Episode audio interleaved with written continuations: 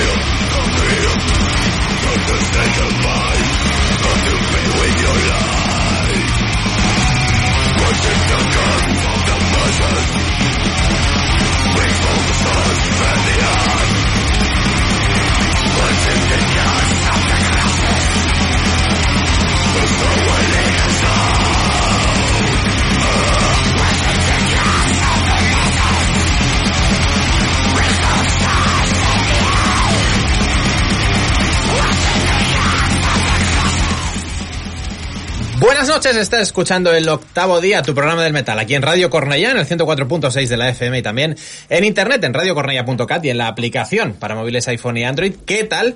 Nosotros este 16 de octubre, preparados aquí en el estudio, uno, tres horas más, desde las 9 y hasta las 12, para traeros lo mejor del metal, en un programa un poco atípico, ya que estamos casi casi en familia. Saludos de Dani Ruiz, quien te está hablando ahora mismo, acompañado ya a la izquierda por Tony López. Buenas noches. Siempre a la izquierda. Buenas noches. Eh, ¿Qué tal? No, no prometo nada. eh, hoy me voy a mover bastante porque es seguramente este en, en los controles donde eh, se ocupa Xenia Sensaric. Pero cuando yo me ponga los controles y tú estés solo aquí, Dani, eh, recordaremos aquellos años duros, oscuros, en los que estábamos ambos aquí solos, Correcto. picando piedra. Y bueno, deciros que, que me sabe mal porque en el grupo de Telegram que ya están saludándonos y, y haciéndonos evidente que están ahí, eh, tenían, tenían un temor, alguno, el sector sobre todo más power y proc, tenía el temor de tener que quemar la visa esta noche. Eh, sí, lo, lo siento, pero Así sí. es. Sí, os voy a joder la visa esta noche porque traigo alguna, alguna cosa guapa. Eh, Pero que el sector panda no se preocupe, que también vamos a cubrir un poquito. el sector panda va a tener también eh, mierda de la buena. Eso, eso está garantizadísimo. Ya lo sabéis. No os preocupéis porque no esté Xenia o porque no esté. ¿Quién más hace panda ahora, además de Xenia y nosotros? Es verdad. Eh, Nos falta Xenia, nos falta Alfonso, nos falta Inma, pero... no sí, sí, pero Alfonso es más todo. zapatillero Exacto. ya sabemos que el gutural la echa para atrás. Bueno, sí, sí, tenemos de todo esta noche y hemos comenzado, como no, con mucha caña y es que Hipocrisy ayer dieron un recital, una lección eh, que posiblemente nos explique Xenia después, ¿no? Quizá Exacto. le dejemos entrar, quizá le hagamos una llamadita y que nos Exacto. explique lo que hicieron ayer, pero leyendo crónicas y opiniones de gente que estuvo allí, salvajes y, y auténticamente atronadores. Espero que sonarán mejor que la última vez que yo les vi, que sonaron a mierda pura. Eh, si solucionaron el tema del sonido, pues eh, seguramente fue el bolazo que todo el mundo explica. Pero hablaremos de bolos y conciertos eh, más adelante, Dani, porque ahora vamos a, a la entrevista y es que tenemos a una banda que practican un estilo del cual yo ya cuento con dos discos en mi poder, que se llama Maresma Pure Metal. Eh, os presenté a Dimothic hace unos meses en la anterior temporada. Eh, os presentaba la pasada semana a Critical. Critical tienen este nuevo trabajo Viral Apocalypse y vamos a hablar con ellos y para ello suena ya el tema que abre Unforgettable Critical.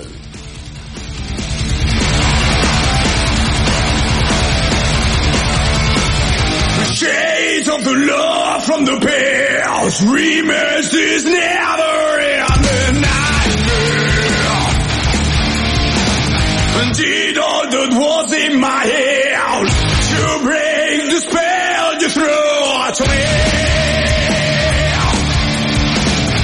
Lost in the depth of your gaze. I know this love will last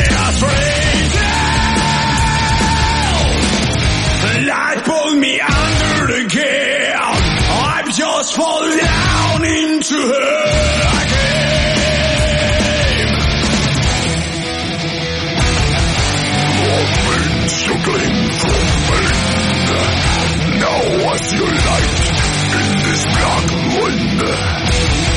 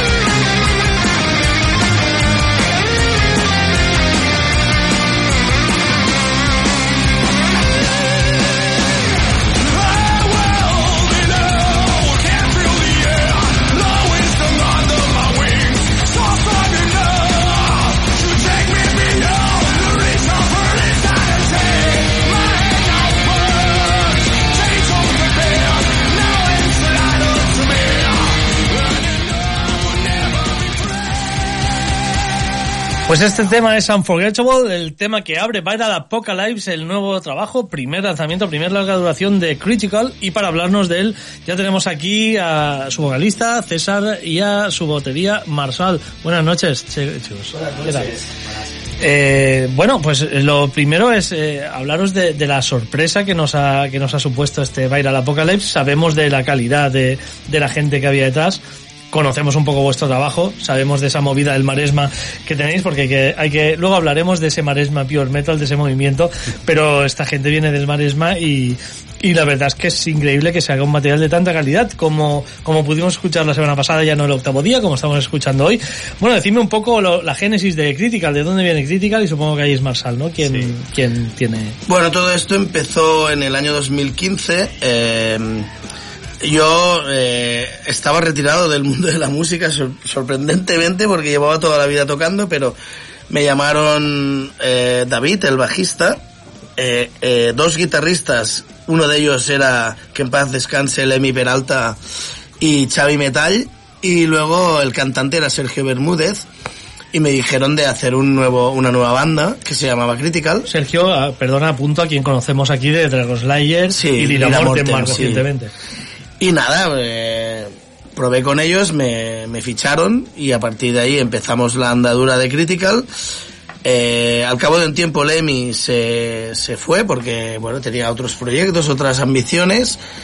Eh, entró otro guitarrista que era Oscar que tocaba con Tabú y al cabo de un tiempo Oscar y, y Sergio y había entrado también eh, José Herbas que también estaba con Lira Mortem con guitarrista de Lila Morten, sí, señor. con Sergio marcharon y de Ex- golpe Ex de Lila Morten, ahora Exacto. también. Hay una movida Sí, de, de músicos brutal. y de golpe apareció aquí el, el puto amo este en su con la voz mágica y apareció Marc Marturey que curiosamente esto no lo sabe nadie pero Marc Marturey vino a probar antes rechazó la oferta y cuando al cabo de un tiempo vio que teníamos a este nuevo hombre eh, aceptó la oferta Les dijo sí.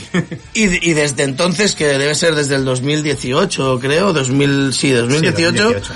pues llevamos cuatro años, los cuatro a muerte, y bueno, al final yo un día dije, bueno, hasta aquí hemos llegado, esto hay que grabarlo. Y, y me voy a poner de productor también, porque o, o lo grabamos o lo grabamos, y se acabó. Y, y- y efectivamente ha salido No, ya este tocaba, disco. ya tocaba también. Sí, tocaba. Ya tocaba, pero bueno, habéis tenido por fechas, por lo que decís, desde 2018 habéis tenido el- la hostia de la Bueno, pandemia, sí, hemos pero, de todo, pero a todo. saco. Sí, sí. Os ha golpeado bien fuerte, porque claro, ya es difícil cuando un grupo funciona pararte, Sí. pero cuando estás arrancando, ese parón arrancando, Sí. tiene que ser delicado, ¿no? La verdad que hemos sido, afortunadamente hemos sido muy constantes en el hecho de ir cada lunes a ensayar, a algún fin de semana a ensayar. Eh, la verdad que, eh, bueno, eh, voy a poner ahí el bajista y yo, desde el principio hemos estado ahí picando piedra, David Núcleo y yo. duro, ¿no? Núcleo duro. Núcleo duro, Núcleo duro. porque está el núcleo duro y el núcleo moñón, lo siento, no queda políticamente correcto, pero es así. Y el núcleo duro nos estaba ahí picando piedra y, y hostia, al- el resultado al final es muy satisfactorio. La Desde luego el, el sonido que habéis sacado es tremendo. Hablabas de músicos eh, que han estado anteriormente en Critical, como Lemmy Peralta, el, el- el recordado Lemmy que en paz descanse, y bueno, pues como ex guitarra de Tabú, Oscar, como Sergio, eh, estamos hablando de gente que tiraba más al hard rock y al heavy metal. Y en cambio nos encontramos un disco, Vaida Apocalypse, que no solamente tontea con el extremo, sino que tiene partes netamente death metaleras. Sí. Estamos escuchando ahora mismo de Spark, sube Kiko, sube.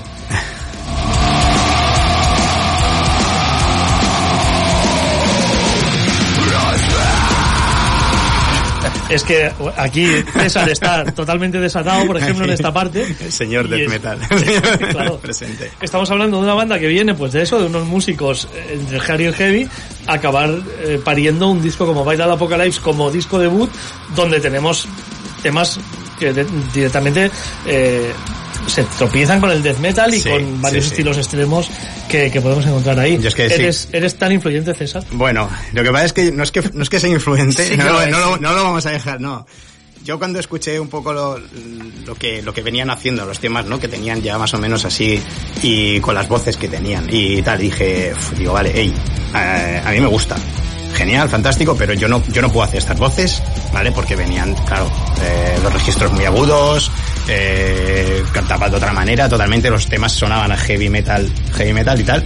Y yo dije, mira, digo, yo, yo tengo otra manera de cantar, yo no llego a hacer esos agudos, pero bueno, pero traigo unos graves y unas voces rotas, ¿vale? Pero bueno, me voy al otro extremo.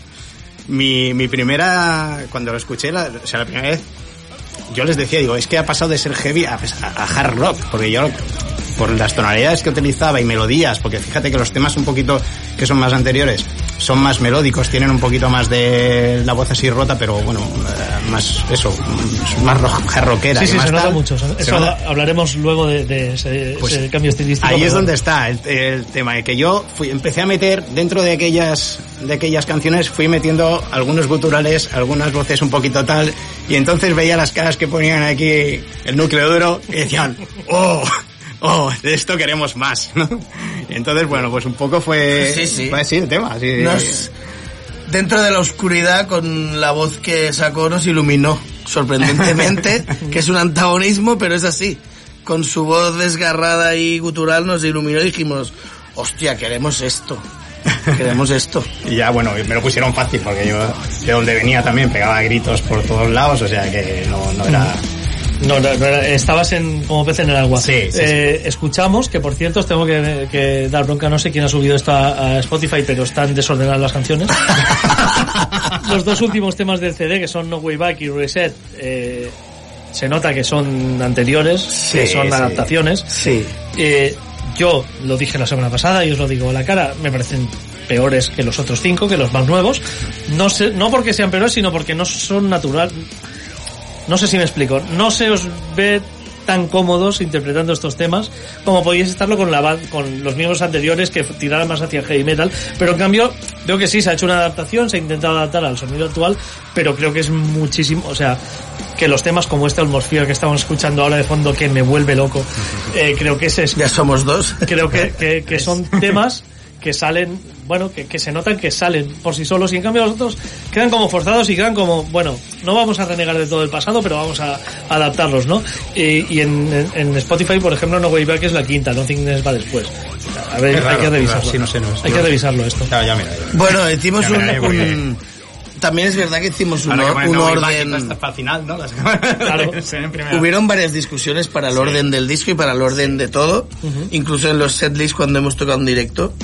Pero sí que es verdad que, que los dos temas últimos del disco, evidentemente se nota que son de otro calibre, o sea, es de otra época. De hecho, mm, íbamos a poner eh, años de los Sí, temas sí, hechos. estuvimos a punto de, de dividir, de poner alguna manera, ¿no? De tal, tal. Queríamos final- poner 2015, 2018, 2018, 2022, pero era muy feo eso. Sí, quedaba un poco... No quedaba no, bien. No, no, no nos gustó. Y bueno, lo hemos intentado... De todas maneras se nota, ¿eh? Tampoco lo podéis Sí, ocultar. claro, no hace sí, falta. No, no, se nota muchísimo, sí, sí. Además es que es todo, el registro, se- la, la- la- la musicalidad, todo. O sea, realmente es diferente. Lo que pasa es que sí que es verdad que cuando tocamos los temas los disfrutamos mucho. Es Entonces, eh, tocar, es- estamos en el ensayo y disfrutamos igual tocando Nothingness que tocando No Way Back, ¿sabes? Porque es como que, que ostras, es que nos mola, y ya está. Y, Sí.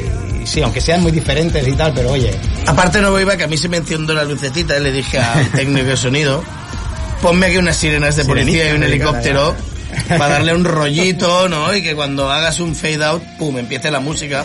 Que, hostia, empieza de otra manera la canción. Pero sí que es verdad que la diferencia está ahí, ¿no? Es que no, no vamos a escondernos. Sí, sí. Hay unos temas hechos en una época y otros temas hechos más modernos, está claro. y hacia dónde vamos como entenderás. Exactamente. Bueno, de todas maneras sois un poco inclasificables, ¿no? Creo. Eh, Por- bueno, Sí, porque si te fijas en lo que te decías, ¿no? En Atmosphere hay, hay de todo. O sea, Sí, sí, sí. realmente tengo O sea, Nothingness también. Tienes un gente que le guste el metal extremo únicamente va a haber un disco que, que le flojea por muchos sitios Sí. gente, Mm. gente que le guste más el metal y el heavy metal va a ver que, que igual se Sí. pone demasiado bestia a ratos pero la gente que nos lo comemos todo a nivel metal eh, creo que nos va a encantar este disco como, como ya me ha pasado a mí como espero que le pase a los oyentes hablabais del directo hace exactamente un mes hoy es 16 de octubre y el 16 de septiembre presentasteis el el disco recién salido en, en Masnou, en Canumet. ¿Qué tal, qué sensaciones tuvisteis en directo presentando estos temas, defendiendo, defendiendo Viral Apocalypse? ¿Qué voy a decir? Yo eh, alucinado. O sea, realmente teníamos unas ganas de tocar eh, increíbles, además con todo, ya no solamente por lo que hemos vivido nosotros y en general todo el mundo, ¿no? De todo el tema del COVID, cómo ha afectado, ¿no? Pero era como volver y, o empezar y, y, y, y, hostia, y, con, con un disco que, que, ostras, lo hemos disfrutado mucho y grabándolo y tocándolo y tal, y es que había muchas ganas, ¿sabes? O sea, teníamos muchas ganas contenidas ahí de, de sacarlo y, y fue súper especial. O sea, Sí. Marsal se pegó una currada, todo hay que decirlo.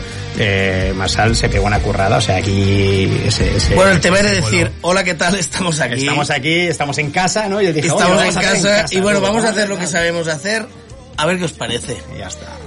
Y hostia, la verdad que salió de puta. Salió muy bien. Salió muy Aquí bien. el campeón hizo un bolaco bueno, de lo la hicimos vida. Todos, lo hicimos todos. Y.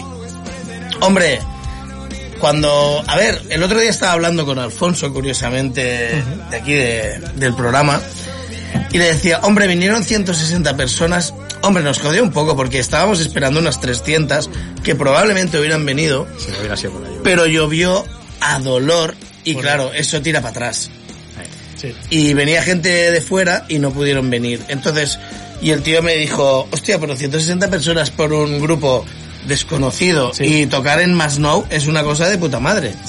Bueno, yo he estado con grupos menos desconocidos en Bóveda, siendo bastantes menos. Menos gente, sí, sí, no, no. Pero bueno, sí que es verdad que claro, vinieron los amigos, vinieron la vinieron familia, nos apoyaron. La verdad que el concierto fue muy guapo, aparte lo hicimos con dos teloneros que nos apoyaron mogollón y tocaron de puta madre. También de la casa de allí. Claro, y Brega, bueno, quieres que no, la verdad que funcionó bien el bolo en sí. Bueno, pues eh, la, la pregunta siguiente eh, se hace sola. ¿Hay proyectos? ¿Hay, hay alguna, algún bolo a la vista? Bueno, a la vista, de momento no. Pero estamos, bueno, estamos empezando a mover ahora todo un poco, toda la maquinaria, ¿no? Y organizándonos un poquito. Eh, ¿A nivel solitario de presentar vosotros o juntándoos o metiéndose en alguna... No- nosotros creemos que es mejor que ahora nos, nos inviten a hacer de teloneros de alguien para que el boca a boca funcione. Tenemos contactos con gente que nos ha, nos ha dicho de poder tocar en Madrid un par de veces, de tocar en Asturias porque tenemos contactos, de tocar en varios sitios. Curiosamente aquí en Barcelona no, porque ya sabemos cómo funciona Barcelona y las salas que hay. sí. Pero vamos, que desde aquí, teniendo esta ventana abierta, nos ofrecemos para tocar También con es- quien quiera y de teloneros o de lo que sea. Hasta ahora no teníamos nada, ahora ya podemos... eh, Ya podéis mover Claro, música. antes es que era, ostras, que enviamos en la mierda grabación que tenemos aquí. No, hombre, no, esto eh, queda cutre, ¿no? Entonces ahora ya tenemos música, ya tenemos algo. Eh, la presentación yo creo que estuvo fantástica y a partir de ahora es eso, es ahora empezar a moverlo y arriba abajo contactar con, con otros grupos, bandas que también, pues eso, que están empezándose también a mover ahora, que muchas, hay muchas bandas que se han quedado, empiezas a tirar allí de, de banditas que habían antes y tal, y ostras, y esto no, es que ahora resulta que ahora me falta uno, lo que dices, movimiento, hay mucho movimiento de- de bueno, de guitarras, de tal, de músicos que van cambiando y que hay bandas que se están recomponiendo, otras que tal, y bueno, la idea es eso, es empezar a, junto con todo el, porque hay una de bandas bueno, brutales ah, por aquí alrededor, no hay que irse muy lejos, y con la que, con las que, bueno, sería un lujazo poder, eh, poder empezar, y bueno, ahí estamos, ahí estamos. Pues el llamamiento está hecho, o sea que, que queremos veros, queremos veros en directo porque si suena la mitad de bien que, que en disco, tiene, tiene que ser espectacular. Eh, supongo que cuando una banda edita un disco, ya está trabajando en otros temas y en... Sí, también Seguramente en una el- cosa. También, también. ¿Cómo va? O sea, ya- ¿Cómo- ya, teníamos Bueno. muchas ganas de sacar esto para poder centrarnos en, en, en- en Bueno, yo ideas y tal. he producido este disco y voy a, voy a intentar producir el siguiente. Enhorabuena porque suena muy bien. He dado, bueno, no órdenes, pero casi. Sí, casi, En casi. plan, Cuando se pone en, serio en enero del 2024 quiero sacar el segundo disco. Ah, tenemos fecha incluso. Bueno, Sí, sí, sí. tenemos proyecto de fecha. Entonces, eh, bueno, eh, yo en los ensayos he dicho, tenemos 12 meses, a mes por tema, tenemos 12 temas, si sacamos 9 o 10 ya me vale, vamos a nuevo lo dice. O sea, ya- él cuando acabamos el ensayo dice, muy bien, muy bien, vamos bien, vamos bien, ya tenemos Sí. otro tema. De tal, hecho, venga, hemos, hemos, estamos haciendo un tema nuevo que estuvimos el otro día tocando por segunda vez y... Y, y, hostia, es que es- está de feo que lo diga yo, pero es que es una puta madre. y es más en la línea que tú decías de de Atmos, Atmosphere, Unforget, hay la de Sí, Nothingness. Nothingness. Nothingness, es- claro, sí. Sí, pues sí, eh, estabais hablando de las sirenas y de entonces pues, justo ahora comienza No Way Back. Vamos a escuchar un poco de, de este tema que es para que veáis un poco la diferencia ¿no? de, de, de lo que fue Critical lo que ha continuado siendo y lo que es ahora. Esto es eh, No Way Back de este nuevo trabajo de Critical Viral Apocalypse pero de su primera época. No Way Back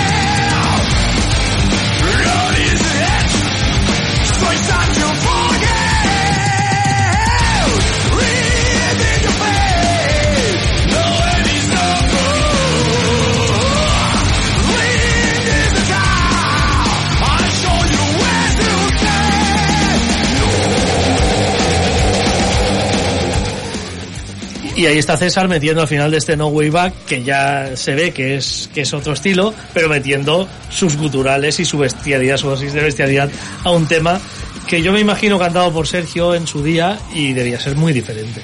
Bueno, yo, yo la verdad es que, ya te digo, él... No digo mejor ni peor, ¿eh? porque No, no, no, Sergio no, es un pedazo de vocalista tremendo. es que yo cuando escuché... De hecho, le enviamos un abrazo a Sergio, que es gran amigo, además. Pero, pero que es, eh, se nota que es diferente a este Nothingness que suena ahora de fondo, por ejemplo, que es un tema que se nota que, se- que os sale de dentro. Sí, en cambio, sí. No Way Back se ve como que, bueno, vamos a retocarlo. Sí. ¿no? Sí, y, sí. y cabe, y es una, es un gran tema, pero es otra cosa. Es diferente. otra cosa, si yo me acuerdo, o sea, el primer single que, que, que sacasteis, esto, Marsala, era Reset, con, con, con voz además en, en castellano. Claro, es que el tema es Cantaba- que cantábamos en, en castellano y, y- y, bueno, a mí principalmente me... Siempre he escuchado más música anglosajona, siempre en inglés y siempre le decía a Sergio, pero tío, lánzate en inglés, que él no, él, No, es, no. él es muy de cantar en castellano, súper respetable, pero claro, llega este hombre y de golpe dice, ah, pues a mí me parece puta madre cantar en inglés. Y claro, de golpe no solo canta en inglés, sino que te hace ahí un giro y dices, hostia, parece otro tema. Sí, to- totalmente distinto. O sea, escuchas el single que, que publicaron que yo de primeras dije, wow, esto, tío, que no, que no puedo. O sea, yo no, yo lo, yo lo haré de otra manera, ¿vale? Ok, venga, llegué al otro ensayo y pues mira, esto es lo que he hecho. Hostia, ¿dónde está el tema, no? Pues, Claro. pues bueno. Hablando de- del tema idiomático, o sea, habéis pasado al inglés ya definitivamente, no os habéis planteado en ningún momento usar el catalán, como hay muchas bandas ahora, Vidras, Fusco y tantas bandas eh, que, que bueno, vehiculan su, su metal en, en catalán y como un movimiento bastante extendido, ¿no? Ahora en, Sí, sí, sí, ha habido movimiento. Lo que pasa es que, no sé, yo, yo realmente me siento más cómodo cantando en inglés. O sea, he intentado. Yo con las otras bandas cantábamos también en, en alguna canción teníamos, ¿no? En castellano. Y algunas cositas también grabamos así en rollo en catalán. Pero es que como yo me siento más cómodo y de alguna manera es, es cantando en inglés, me, me gusta más, no sé, a la hora de tal. Pero no descarto, oye, si... La verdad es que es un tema que no lo hemos hablado. Yo tampoco. mm, soy un defensor del idioma catalán a dolor. Pero es que yo siempre he considerado que hay unas músicas que van en un idioma. Entonces siempre he pensado que el Sí, metal... pero, pero luego te escuchas a, Claro, a Vidras a la claro. sal sí, sí, es verdad, es y- verdad. y, y no solo escuchas a ellos, sino que escuchas a Miquel Martí Paul musicado en Death Sí, sí, flipas, y sí, queda sí, bien. Sí, sí, es, queda es bien. una claro. pasada, o sea, es un- una Sí, pasada. pero bueno, como nos sale de manera natural hacerlo así, y sobre todo Sí. el que es el cantante, que aquí tiene mucho que decir él, pues cuando tocábamos, cuando estaba Sergio no, no había discusión alguna, tenía que ser en castellano y era, era así. No nos hemos planteado, pero bueno, puede ser, nunca Sí, se sí, sabe. sí, no, no, no estamos cerrados a hacer... No, porque cualquier día os llaman para el disc de la maratón y tendréis que hacer un Pues tema venga, de- Nada, pues lo. Oye, perdona, eh, eh, hay gente como Macaco que ha cantado toda la vida en castellano y, Claro, eh, y ha hecho y el se tema, pasó a sí, cantar en catalán y cantó un tema con los Gosus, ¿no? Y cantó en catalán y no pasa nada. Sí, sí. Hostia, podemos hacer un- una versión. Claro. Oye, Pero podría- versión, ¿eh? Cover no. Bueno, ahora estás liado, César, con los castings de Euforia, ¿no? Sí, ahí. sí, estoy ahí, estoy ahí. Estoy ahí a tope, a tope, a tope, a tope. De hecho, ahora venía, bueno, he llegado a- por pelos. Oye, ¿qué os parece? Eh, bueno, eh, la escena musical actual que ha cambiado muchísimo durante, durante años, eh, sobre todo en el metal, ¿no? Éramos melómanos, comprábamos discos, CDs, todo tipo de material. Ahora la cosa va, ya no solo que vaya por lo digital, sino que la gente quiere TikToks, quiere Reels, quiere 15 segundos, no quiere un disco de 40 minutos, ni, un- ni siquiera una canción de 6. Quieren un, es- un, Un trocito de algo, ¿no? trocito de algo que se que repita, que se repita. Eh, supongo que vosotros evidentemente no habéis tenido eso para nada en cuenta, pero no sé si a nivel promoción y demás os habéis llegado a plantear hacer algo así. La verdad es que no, no, no, No, no. lo que sí que es curioso, que esto lo hemos visto, evidentemente no estamos fuera de todo este mundo. Hicimos un TikTok y curiosamente colgamos vídeos de un minuto y tienen más pinchazos de que les gusta que una canción entera. Que es alucinante. Sí, sí, sí, y de joder, cabrones, escuchar la canción entera. Claro, que es lo que mola, ¿no? Que joder, Claro, estás perdiendo, te estás perdiendo cinco minutos de canción, o cuatro, o y, siete. y luego la peña en plan, ah, CD, ah, la camiseta, nos da igual. Ponerlo en Spotify, o ponerlo aquí o ponerlo allí. Y tú dices, joder, con la ilusión que nos ha hecho Sí, a lo, que nos, a lo que nos gusta a nosotros tener, a ver, es que pues, aún quedamos algunos, ¿eh? De los que nos Sí, gusta comprar sí, sí, sí. CDs y tenemos ahí la casa llena de CDs Sí, y claro. vinilos y tal. Y, y, hostia, a mí me hace ilusión tener el disco. Bueno, hablando de eso, yo esperaba el vinilo, pero bueno, seguiré Bueno, esperando. no hemos podido. Bueno, es, es medio vinilo, hemos- lo has hecho a sí, la verdad es que sí, es cierto, la pastilla, la pastilla del CD es- ah, tiene forma de vinilo. Pero es que había una, una No lo cola. pongas, ¿eh? No lo- había una cola inhumana para. Vamos a hacer vinilo, seguro. Aparte de esta, esta, esta ilustración que desde aquí. Darle las gracias a, a Vives que nos ha hecho una ilustración increíble. Eh, hombre, se presta a estar en un vinilo, desde luego. Portada grande y como, desde como tiene luego. que ser. Sí, ahora, sí, que, sí. ahora que hablamos de la portada, eh, recuerdo cuando yo, cuando yo me, el segundo ensayo que, el segundo ensayo que llegué, llegué allí, hacíamos tal, canté las canciones un poquito a mí y tal, y se va, sale la batería, o sea, dice, por cierto, que sepas, así, eh, como, eh, que sepas que ya, que esos temas está y todos los que tengamos que hacer y tal, y no sé qué, eh, los vamos a grabar, el disco se va a llamar Apocalipsis Viral, ¿vale? Tenía el título en castellano porque era tal, y esta es la portada, o sea, yo, o sea, yo el segundo ensayo, Ya te ya, me- ya me dijeron, ya hey, está". esta va a ser Esto la es lo que portada, hay. esto es lo que hay y el disco se va a llamar así. Entonces, claro, yo ahí entré un poco en shock, ¿no? Parece mentira además que, que tanto la portada como el concepto del álbum yo creo que casan más con la música ahora mismo que, que seguramente en aquel momento. Sí, sí. Bueno, curiosamente era una cosa más que el grupo. eh, bueno, para empezar se llamaba Critical porque los que fundaron el grupo se fueron de diferentes bandas y era como todo es crítico, tal, y les salió el nombre de Critical. La, la vida es crítica, ¿no? Y, y bueno, cuando decidimos hacer un, un disco, fue como pues con nuestra música, que es como el dios este que aparece con la mano. eh, vamos a hacer, vamos a inyectar un virus a todo Dios. Y yo particularmente dije, hombre, me molaría el mundo eclesiástico, el mundo de los banqueros y el mundo del ejército, nos lo cargamos de primeras. Pero esto está del 2016. Sin Dios, ni 2017. patria, ni- Nada, Ni nada, de nada. Critical. Pues eh, Critical, un placer que hayáis estado en el octavo día. Eh, vosotros. os seguiremos escuchando y seguiremos promocionando vuestra música y sobre todo queremos poner en la agenda de conciertos alguna fecha. Pues Vamos genial, espabilando en nada. eso. Nada más que nos enteremos, os, os Seguro, lo haremos saber y, y sobre todo agradeceros por, por el apoyo que dais a, tanto a nosotros como a todas las bandas. No, a que- todas no. Bueno, So- solamente a las que pasan un filtro de calidad y no, no, no, eso es Bueno, cierto. pues a muchas, Pues a muchas. la gente, la gente sabe que aquí no nos casamos con nadie. O me gustas o no me gustas, y si no me gustas no te voy a decir que no me gustas porque no hay que hundir a nadie, la gente hace las cosas tal. Pero te diré que igual pues no encajas en el programa y no sé qué. Bueno, pero cuando estás aquí es porque a alguien del equipo le has gustado mucho y en este caso yo creo que a, a la mayoría del equipo.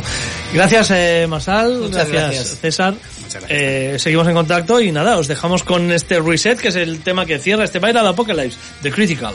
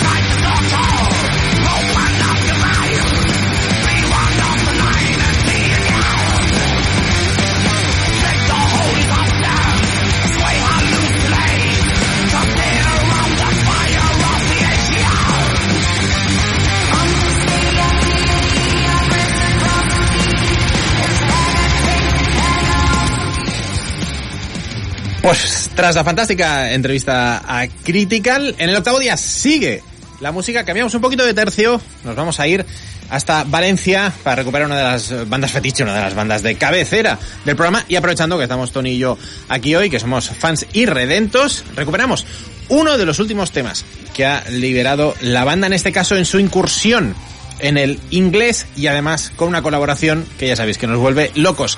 Escuchamos a Opera Magna, escuchamos a José Broseta con Fabio Lione, escuchamos What Was Dreamt and Lived.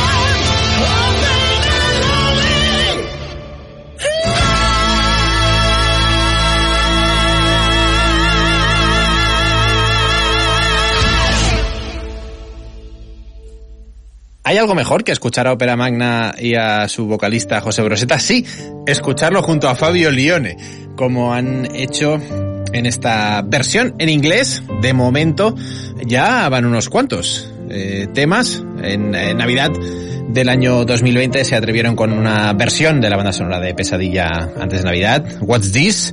Y ahora, tras el tributo a John Williams, se habían puesto muy cinematográficos, ha llegado esta versión de What Was Dreamt and Lived y otra más, Where Once Was uh, Beating My Dark Heart, aunque en el EP de What Was Dreamt and Lived también hay una versión en inglés de In Nomine. Se lanza Ópera Magna también al, al idioma de Shakespeare. Pero básicamente es el disco que va a salir entero en, en inglés. He grabado todo el disco del amor de los demonios en inglés y básicamente son los singles adelanto de, de ese disco que ya conocemos todos pero que, que vamos a poder disfrutar íntegramente en inglés. Eh, espero que pronto. Correcto. Y como nos decía Pedro en el eh, grupo de Telegram, habría que hablar un día de cómo exprime al máximo Opera Magna todo su material y siempre con acierto, diría yo. Sí, porque con la tontería vamos arrastrando canciones de 2014, ¿no? Creo que como nuevas todavía, ocho años después. Exacto. De las que todavía siguen saliendo versiones nuevas. Bueno, bien, bien exprimido y la verdad es que valen bastante la pena.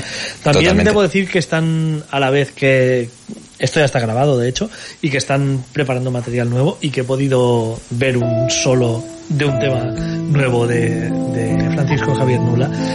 Que, Don, Don, Don Francisco. Francisco Javier Nula. que, que es, es bueno, uf, o sea, derretí, vamos, yo me derretí eh, viendo cómo, cómo tocaba y el pedazo de solo que, que se marca y lo que se intuye que es el riff de la canción que va por debajo, vaya temazo, Lo que se nos viene, ¿no? bueno, ya lo sabemos, lo conocíamos. Eh, vamos a, a trasladarnos un poquito a la oscuridad. Seguimos en el Estado español, pero vamos a trasladarnos a la oscuridad con porque tenemos a mucha gente que está esperando que, que sucumbamos a- al maligno Ya vamos, ya vamos. y vamos a darle su, su dosis, su ración. Una banda nueva que va a ver su disco debut el próximo 25 de noviembre de 2022. La banda se llama Jade, Jade, y su trabajo se va a llamar The Pacification of Death. Tiene seis temas.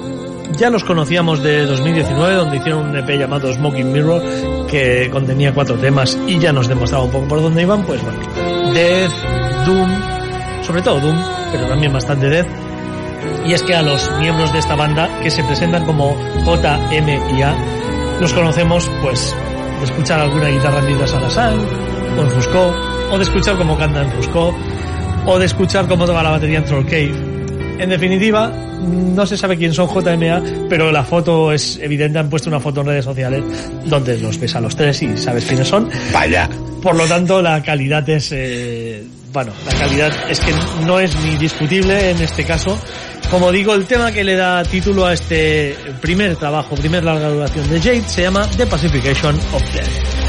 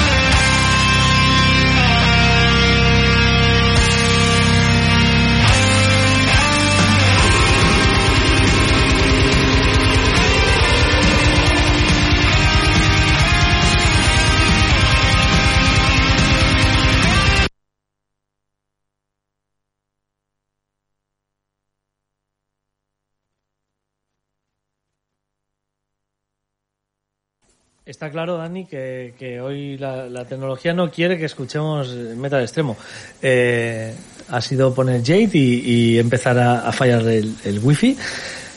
En definitiva, hemos escuchado, pues, eh, o hemos intentado escuchar The Pacification of Death, el nombre, el tema que da título a, a este primer trabajo de Jade. Como os decíamos, el 22 de noviembre será, será el- la fecha en la que, en la que vea la luz este, este disco. Y bueno, pues, eh, como, como os decíamos, eh, un poco de Doom, un poco de Death y una gente de la que ya sabemos, sabemos que, bueno, que la calidad que tienen, la calidad que atesoran los temas que nos han regalado en multitud de bandas, porque, porque bueno, tienen, tienen desde, desde su trabajo en, en varias bandas, como os hemos dicho, por ejemplo, pues tenemos a Fiat, tenemos a Albert, tenemos a Mark, o sea, son tres músicos contrastadísimos, algunos de ellos los hemos visto juntos en Fusco, otros los hemos visto compartiendo escenario en Graveyard. En fin, gente con, con una calidad contrastadísima y que nos van a ofrecer, no tengo duda alguna, un discazo con este The Pacification of Death. Esto es Jade.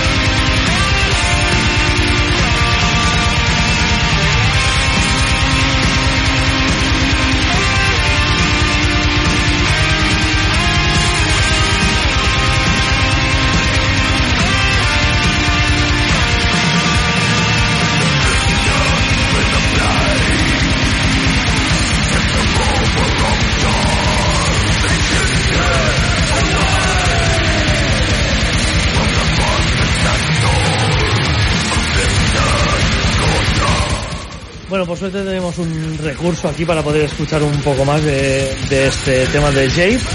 Eh, pediros disculpas por las, bueno, las incidencias técnicas que tampoco van a ser ahora nada nuevo. Correcto. Eh, yo me voy a ir un poquito más lejos. Me voy a ir hasta Sudamérica, hasta Argentina, para traeros lo nuevo de una banda llamada Azeroth. Una banda que empezó su andadura en el año 2000, aunque no se ha prodigado mucho. De momento, seis trabajos de estudio. Tienen un salto del 2000 al 2008, el primer y segundo trabajo, y de 2010 al 2018. Ahora, sin embargo, 2018, 2019 y 2022 han cogido un poquito de carrerilla. Es una banda de power metal, aunque es verdad que flirtean un, con un sonido un poquito más oscuro, un sonido un poquito más grave, un sonido que, que incluso algunos riffs que entrarían más en, en discos de, de, a lo mejor, de metal melódico, o no sé, algo gótico. Y tengo que decir, y veo a Tony a sentir con la cabeza, que este Senderos del Destino que acaba de aparecer ha sido amor a primera escucha.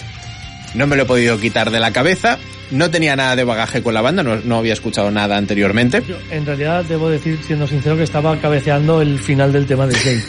Pero que Azeroth, también me vale. Azeroth, eh, el primer disco de Azeroth eh, fue un clásico en Arais en el año 2000. De, es- Hostia, es qué de, bueno. esos, de esos discos que, que escuchábamos en, en Arais en su momento y que y que, que no sé si llegó incluso a firmar por Arais, pero sí que salían en, en aquellos Metal Arais recopilatorios de cartón que regalaban en la tienda.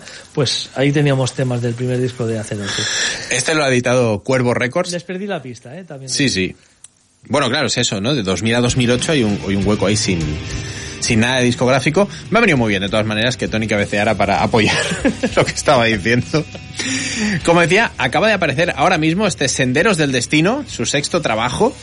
Y bueno, os voy a dejar con un tema para que veáis eh, por dónde se mueven Azeroth, pero ya os digo, me ha encantado. A los fans del Power Metal, adelante. Dadle una escucha. Se aleja de aquel Power Metal europeo noventero, incluso del Power Metal actual. No es brillante en un sentido luminoso. No es happy metal, no hay caballos correteando por aquí y por allí, es un poco más oscurito, pero me ha encantado. Para muestra, un botón. Desde este Senderos del Destino, os dejamos con el tema número 2, que da nombre al disco, esto es. Azeroth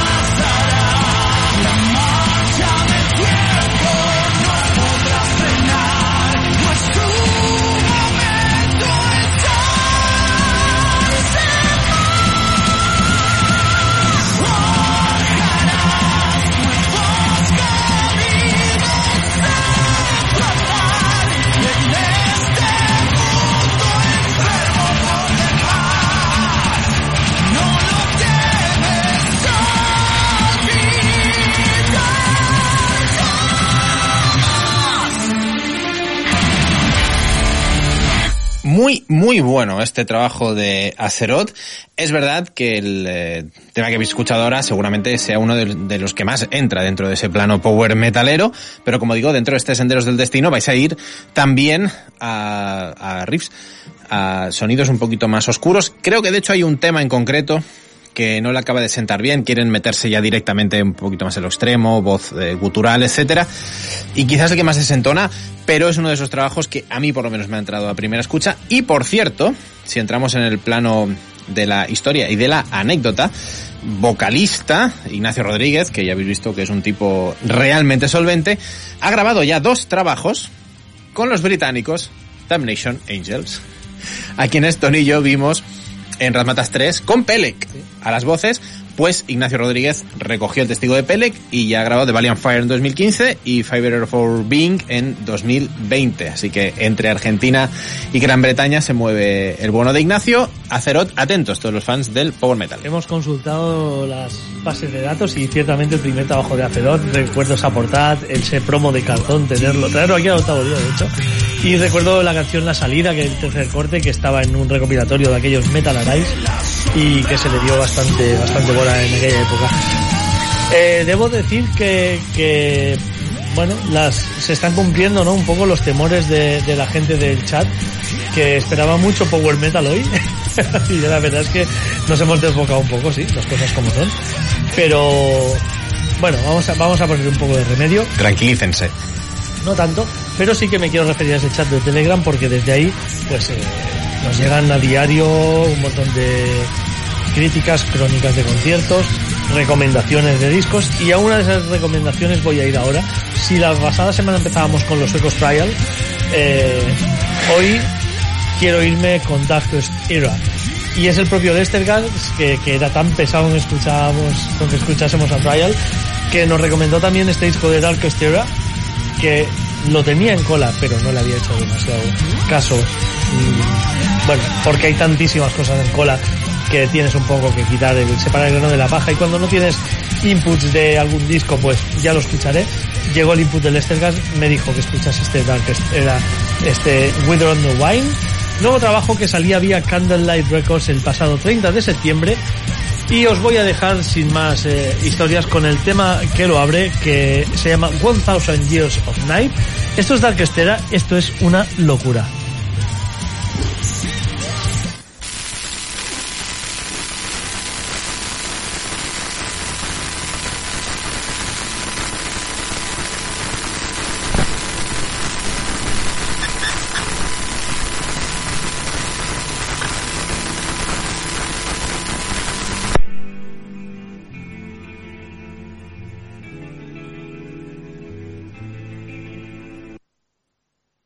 Y tan locura como que no se oye. Eh, estamos teniendo duendes hoy eh, en la radio, de verdad. Eh, se oye ahora, pero muy flojo, ¿sí? ¿Lo pinchas tú, Dani?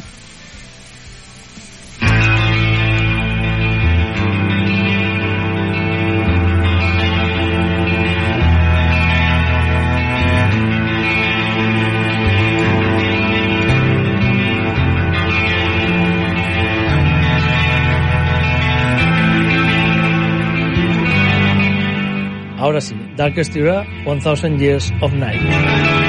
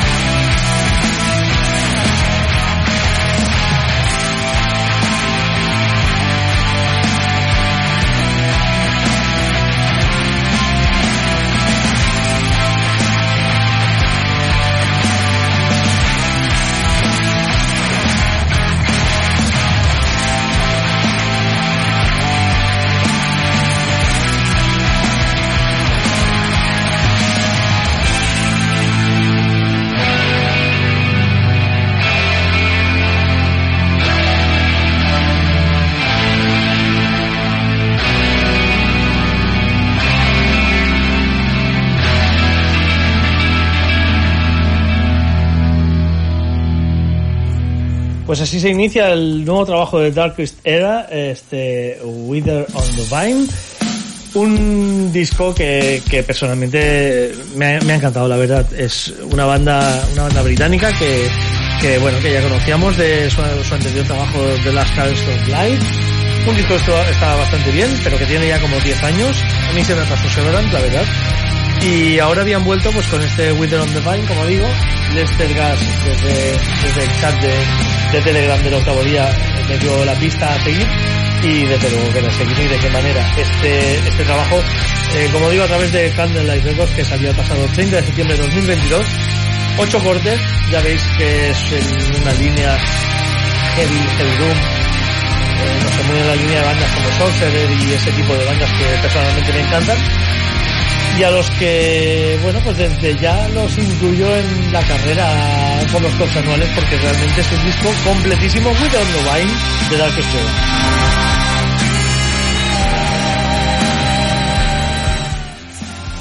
Me voy a lanzar directamente ya al eh, mar de Japón con eh, mi ya habitual Metal Samurai. Hoy cambiando un poquito de registro. Iba a decir que arriesgando, pero realmente creo que arriesgando no, porque seguramente estemos ante una banda que muchos de nuestros oyentes y de nuestras oyentes ya conocen, una banda que además edita un sello como Season of Mist, que es tremendamente conocido. Hablo de los Tokiotas Defiled, voy a recuperar un tema así, directamente, sin paños calientes, del que es hasta el momento su último trabajo, Infinite Regress, desde Japón, desde Tokio. Una nueva aventura de Metal Samurai. Espero que sorprenda a alguien. Esto es Aftermath.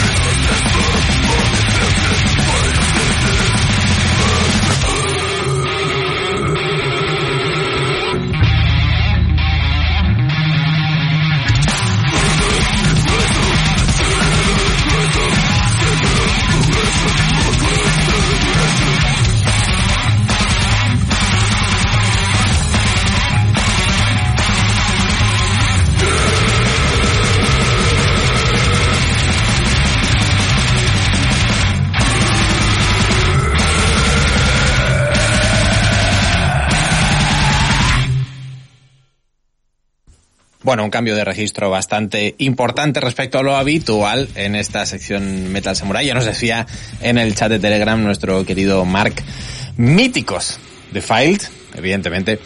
Es una banda un poquito más conocida, desde luego, que lo que suelo traer por aquí, pero me apetecía cambiar de registro e irme directamente al death metal más cafre, por así decirlo. Una banda que ya a finales de los años 90 había girado en Estados Unidos, con Monstrosity, por ejemplo, y que ha tenido también algunos lapsos de tiempo importantes, desde 2003 hasta 2011. No hubo ningún tipo de actividad discográfica por parte de, del cuarteto de Tokio. Luego cinco años más, hasta 2016, cuatro años más, hasta 2020 para este Infinite Regress. Así que no creo que lo próximo llegue de forma inminente. Estaremos al tanto de todas formas, porque ya habéis visto cómo se las gastan estos Defiled, eh, cuarteto japonés, que es una maravilla y que por supuesto, si alguien, fan del death metal, no los conoce, por favor, que se adentre en su discografía, que es sólida de principio a fin. Pero bueno.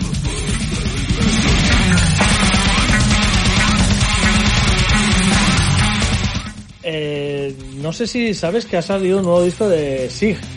Sí, sí, Saig, Saig. Saig, Saig. Bueno, no sé cómo se pronuncia en japonés. sí. Yo digo Saig, siempre. Claro, Sig es la pronunciación anglófona. Sí, claro. término, no sé. Yo digo Sí, sí, correcto. Porque me da la gana. Y punto. ya está, no sé, da igual. Eh, ha cambiado un, iba a decir un poquito, no, no ha cambiado un poquito, ha cambiado mucho lo, lo que hacían antes a lo que hacen ahora. Como cada disco. Eh, Bueno, sí, realmente sí. Pero al final esa esencia de ese black metal con mil cosas que no son black metal. Sí, Se sí, sí. mantiene. Sí, sí, sí, sí. Y la prim- el primer tiento que le he dado, no en profundidad y no completo, me ha, me ha llamado la atención lo suficiente como para dedicarle. Sí. Es de mm, agosto. Va, Es que sí, sí que es una banda que dentro de que de, de su procedencia japonesa es de Peaceville, es decir, tiene una proyección un poquito más más maja y que también lleva la hostia, ¿eh? debutaron en el 90, o sea, no está mal. ¿eh? Veteranos también, sí. Sin duda, sin duda, No sin son tan veteranos la banda que vamos a pinchar a continuación y la que nos va a servir para entrar un poco en un, eh, en un momento en el que hablaremos de disco, o sea, de, de giras de conciertos, porque eh, ya os veníamos informando, tenéis un artículo precioso de una previa que hice para Science of Noise eh, subida en la web sobre el próximo miércoles en Barcelona van a estar Evergrey junto a Fractal Universe y Virtual Symmetry. Ya os hablé mucho largo y tendido de Virtual Symmetry, los escuchamos. Debéis estar allí a las 7 y cuarto, hay que verlos. Los segundos en cuestión son Fractal Universe y vamos a escucharlos también para que veáis la banda francesa que no es ese prog power que practican los italianos ni el prog power que practican los suecos, Evergrey. En este caso es un poco más eh, extremo. Eh, prog extremo, stream technical, death metal, bueno, en fin, como lo queráis llamar, esto vamos a intentar tirarlo desde, desde aquí otra vez, si no falla, Dani, y si no ya me, ya me socorrerás, pero Exacto. desde su último trabajo Fractal Universe del pasado año de 2021, The Impossible Horizon, escuchamos a Cold Expectation, así es como suenan Fractal Universe.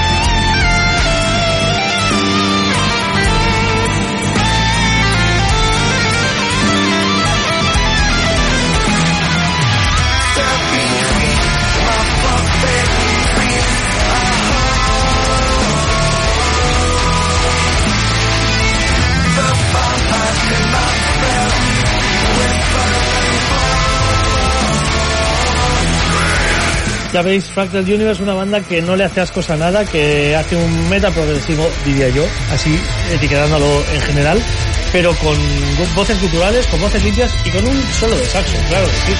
Eh, sin ningún complejo y, con una amalgama de, sonidos y de buen gusto muy destacable. Esto nos introduce pues un poco a nivel de conciertos en lo que va a pasar y es que esta semana os hablaremos también de, otros bolos que tienen, pero que, que vienen, pero este miércoles, eh, como digo, Evergrey junto a estos Fractal Universe y Virtual Synergy, pero eh, vienen varios bolos de los que os hablaremos y han habido varios bolos de los que os queremos hablar y qué mejor que nos lo explique alguien que ha estado allí de primera mano. Xenia Sensarric, buena nit. Buenas noches, oye, qué placer entrar después de Fractal Universe, ¿eh? Hombre. Total. Eh, Dani, saluda a la jefa. Muestra pleitesía. A Xenia siempre, aunque no la tenga de frente en la pecera, por supuesto. Ella no lo ve, pero estoy haciendo una gran reverencia ahora mismo. Al estilo japonés, tengo la frente apoyada en el suelo. Muy bien, muy bien, Dani, sí me gusta. Eh, que sepáis que ha empezado el programa y estaba súper angustiada por no estar ahí controlándolo todo, ¿eh? Me lo he pasado muy mal. Luego ya me he relajado. Luego me he puesto Westworld, la nueva temporada, y digo, vale. Y luego ya os he escuchado otra vez. Ahora le decía a Dani, desde que me lo dijisteis la pasada semana, eh, va- la bajé y los ocho capítulos me los he comido en dos días. Hoy lo he Hosti. acabado. Te puedo hacer un spoiler si quieres. No, no me lo hagas. Vale. No me lo hagas, Pero- que me queda poquito. No, no sé yo si me pondría Westworld para relajarme tampoco, ¿eh? Pero vaya. Bueno, cada uno con sus cosas. Está claro, está claro.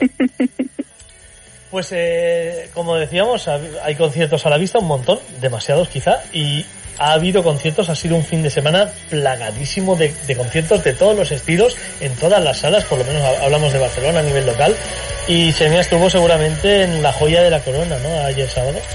Pues sí, pero todo el mundo me decía, te esperaba ver aquí, te esperaba ver aquí, ¿por qué? Porque actúan Flash, o sea, imaginaos lo pesada que llegó a ser para que la gente en vez de decirte, hola, ¿qué tal? te diga, te esperaba ver aquí. pero bueno, eso y, y meterme bronca porque no suena metal extremo en el octavo día, y jolín, ¿eh? Que Hola, ¿eh? Hola. ¿eh? Estamos poniendo mucho hoy, ¿eh? De extremo. Sí, sí, lo, lo poco que he ido escuchando, que ya como digo, no he escuchado el programa entero, eh, y vi- he escuchado cosillas, que iban cayendo cosillas. Poco, poco. Eh, pues eso, explícanos un poco, porque el cartel era bestial. Yo debo decir que ayer eh, en Salamanca también estuvo Inma viendo a Beyond the Black, creo. Eh, yo hubiera ido a la hora de la merienda, porque me interesaba mucho el primer grupo de, de Salamanca, que era, era Ad Infinitum, la banda de Melissa Boni que hemos pinchado aquí, y me interesaba mucho eh, a los que no he visto de los que viste tú ayer, Xenia, que son Horizon Ignited, los fineses que han sacado un discazo de, de melódico tremendo. Una banda que me perdí gracias a lo difícil que es aparcar en esa zona de donde se encuentra la, la sala Apolo y lo difícil que es acceder a Barcelona en coche, eh, en cualquier momento del día y sea cual sea el día, la verdad. Pues me sabe fatal porque eh, te- yo quería saber tu opinión sobre Horizon United. Por lo que leo por ahí estuvieron muy bien, pero es que estuvieron muy bien las cuatro bandas, por lo que he leído. Sí, eh, bueno, yo he de decir que eh, aparte de no ver Horizon Ignited, sí que vi a los siguientes que fue de, de Agonist, que son conocidos, porque claro, Ali saca ahora mismo Militant Arc Enemy, estuvo, empezó digamos su trayectoria famosil en The Agonist, y a mí no me gustaron. La propuesta no me gusta, sí que es cierto, no se puede negar que lo hacen muy bien encima del escenario. La cantante que tienen tiene un registro vocal amplio, domina totalmente, pero totalmente cualquier rango, bien sea voz limpia, lírica y rasgada, su voz, y la verdad es que da gusto verlos en directo, pero a mí su propuesta pues no me gusta. la verdad. Me fui a ver el merchandising, que estaba muy caro, eran precios cero populares. Todo, todo es muy caro. Ahora es que cada vez es el IPC, es la guerra. Eh, La la sí, guerra. sí, no O- sé. o eso. Y ya luego, pues después de Diagonis, pues ya fui cogiendo sitio a primera fila siempre a la que es la derecha del público, izquierda del escenario, porque donde se pone ahí mi amigo Cristos. Y, bueno, pues a mí me gusta estar ahí pistando y viéndolo todo. Eh, Septic Flesh, has visto una vez Septic Flesh, los has visto mil veces. Y es una cosa que a mí personalmente, pues eh, ya me empieza a cansar. Por supuesto que la puesta en escena está súper bien, porque todo está súper coreografiado al milímetro, con cambios de instrumentos, guitarra, bajo y demás. El sonido súper bien, la verdad es que sonaron muy, muy, muy bien, sonaron súper bien. Creo que es de, la, de todas las veces que las he visto, que son muchas, creo que es la vez que mejor sonaron, pero me cansa el hecho de que ya sé lo que me van a ofrecer, ya sé cuál va a ser la siguiente canción, ¿sabes? Entonces, mm, para mí desmerece un poquito eso. ¿Qué tal los temas nuevos?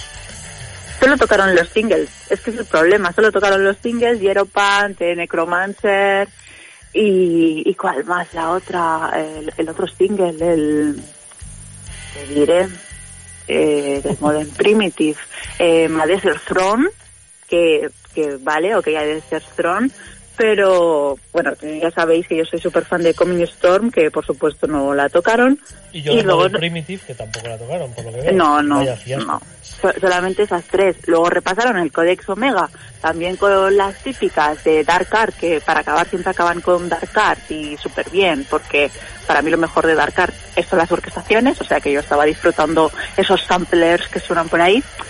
Martyr y Portrait of a Headless Man, que también son temas reales, no lo vamos a negar. Y luego, pues como siempre, los singles de Communion, Anubis y Communion, y los singles de Great Match de, de Paramount God y de Empire from Nazareth. O sea que un setlist súper típico, muy, muy típico. Pero sorpresas. Vaya, y finalmente, por lo que leímos, sobre todo leímos a nuestro compañero Mark, eh, muy emocionado con Hypocrisy. Sabemos que Worship es de sus discos favoritos del pasado año. Hemos abierto hoy el programa con ellos, con Hypocrisy, pero lo vimos eh, totalmente emocionado con el, con el concierto. Tan bueno fue, porque mi recuerdo del último concierto de Hypocrisy fue un sonido lamentable. Sí, eh, te puedo confirmar que fue muy bueno. Y también no, es- no es la primera vez que los veo, creo que es la tercera. Sonaron, o sea, se nota que llevan eh, un técnico que los conoce a saco. Estaba todo, es- o sea, el volumen, el cómo estaba producido, cómo estaba organizado todo a nivel de sonido en el escenario, brutal. O sea, pero una hostia en todo momento. Aparte, hora y 25 sin parar. O sea, sin parar, pero literal ni un segundo. O un bueno, es que el, el batería que llevan, cuando pasó a saludar el pobre chaval, estaba hiperventilando, porque normal que esté cansado. O sea, es que no pararon, pero para nada. Septic Face que cada canción paran, re- respiran, beben agua y entran, y estos no, estos un, dos, tres, un, dos, tres, y sigo y sigo y sigo y no descanso. Alucinante, la verdad. El set list, pues presentaron tres del Worship, eh, Chemical Horde, Children of the Grey y Worship, por supuesto, y luego ya nos vamos a los singles de, to- de, de- de todos los discos, que en todos los discos de Hypocrisy pues encontramos buena mandanga, así que fue cayendo un setlist eh, que quizá para algunos podría ser mejorable, pero tiene bastantes buenos temas que todo el mundo pide, como The Final Captor, como Justin the Sun, como Roswell 47, Y de ahí Bueno. de siempre. Sí, sí, exacto. Eh, también Warpath, también. Bueno, ya sabes lo que te vas a encontrar, pero lo bueno es que hacen un- una muy buena puesta en escena, la verdad. Y Pedrito Tangente estaba pues muy simpático, dicharachero, haciendo el alien. Y una cosa que sí que me gustó mucho de Hypocrisy, que parece que se va perdiendo mm, como ya no se hace tanto, es el hecho de finalizar, interactuar con el público a nivel de, lo típico, te da la mano, hablas tal, no sé qué. O sea, estar agradecidos de verdad, porque es que comparabas Septic Flesh, Tomustios, ¿sabes? Eh, My Friend Barcelona, Barcelona Camón, que es, ya, ya me sé que me vas a decir exactamente, My Friend Setsiro Anton, y ni, ni saludan ni nada, ¿sabes? Y, y Hypocrisy estuvieron un ratito ahí saludando, tal, no sé qué. O sea, da gusto, da, da gusto a ver que en plan, pero estoy agradecido de verdad. Y si estás haciendo el teatro, me, me lo, me lo estás vendiendo bien, ¿sabes? Bueno, es profesionalidad al fin y al cabo, ¿no? Exacto, exacto. No sé si estás de acuerdo, Xenia, porque eh, en nuestro grupo de Telegram decían hoy, y lo he leído en, en algún otro sitio, que prácticamente decían que Peter Tactren se ha mostrado en el cenit de su carrera. ¿Lo has visto tan espectacular? Mm, fue alucinante ¿eh? el concierto.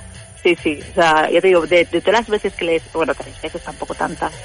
Eh, fue la que más me gustó con diferencia, con muchísima diferencia. Caray. Eh, y la verdad es que muy bien. Y eso que Peter Tactren no está pasando a nivel familiar un buen momento, porque si tú le sigues en redes sociales se ve que tanto su madre como su abuela pues no están muy bien de salud y claro, estando de gira es difícil a veces lidiar con este tipo de situaciones.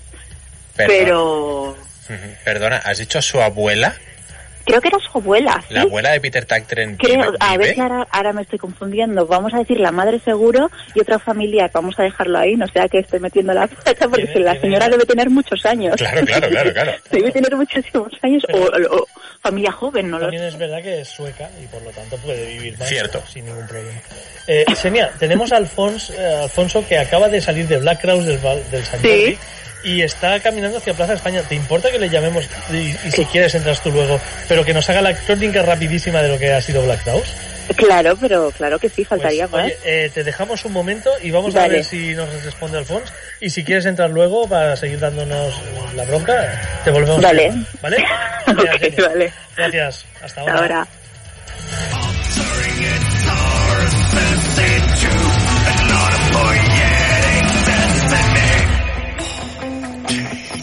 us. I'm blind with and expectations. Life.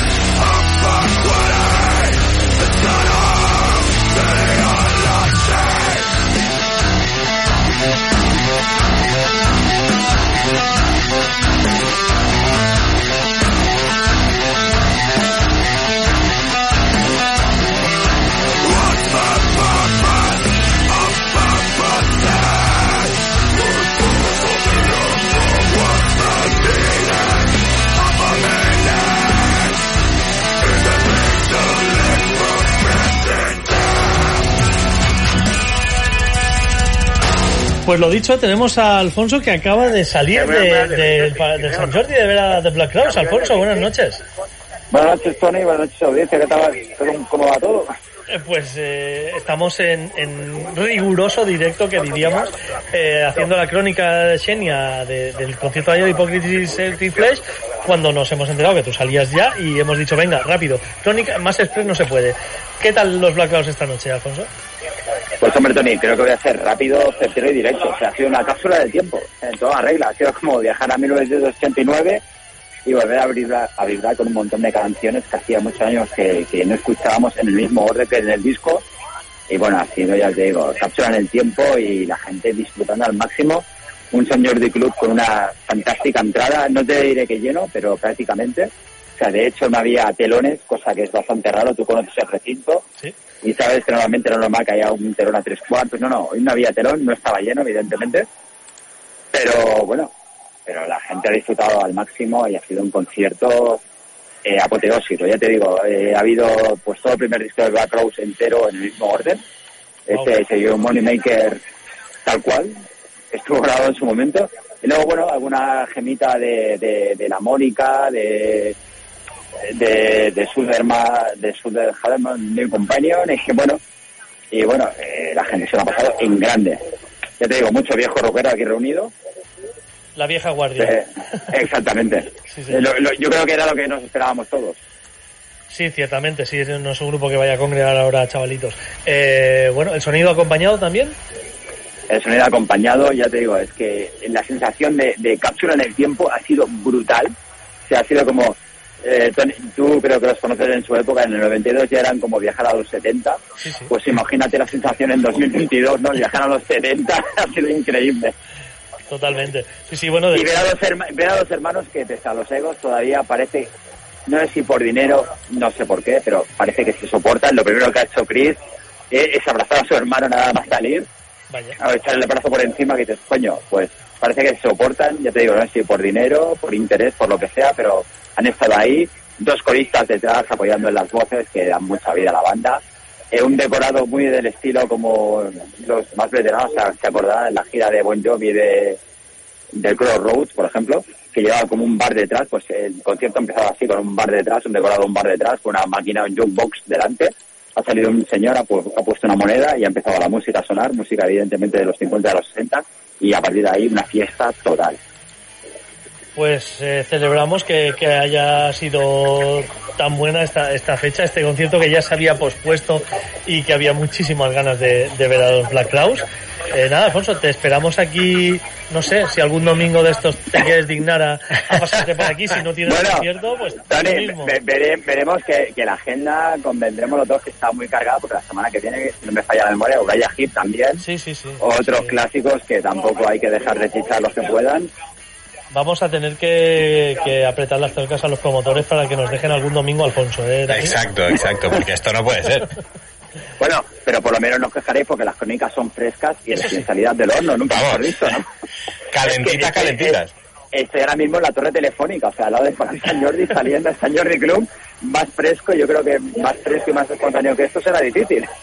Pues oye, Alfonso, muchas gracias por habernos eh, entrado de, de esta manera y en directo y, y dándonos tu opinión sobre, sobre lo que has podido ver hoy en San Jordi Club. Eh, Y, y, y, Tony, déjame solo 20 segundos para decir eh, los teloneros. Eh, Big Wolf, una banda brutal, o sea, son tres tíos lo que hemos visto hoy sobre el escenario.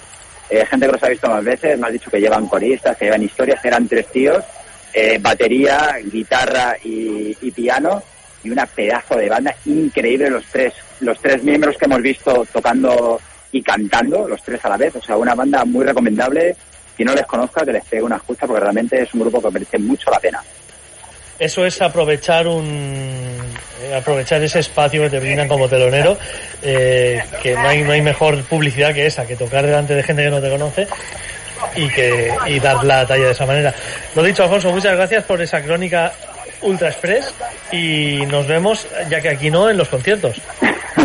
donde, donde sea, Tony, un saludo para ti, para Dani, y espero que el programa haya ido genial. Está y yendo, esa- está yendo. esta entrevista con Critical, que mañana espero pegar una buena escucha, que es muy interesante todo lo que hayan contado, seguro. Y. Sin duda. Un abrazo, Alfonso. Venga, hasta Venga, nos vemos, un abrazo, hasta luego. Hasta luego.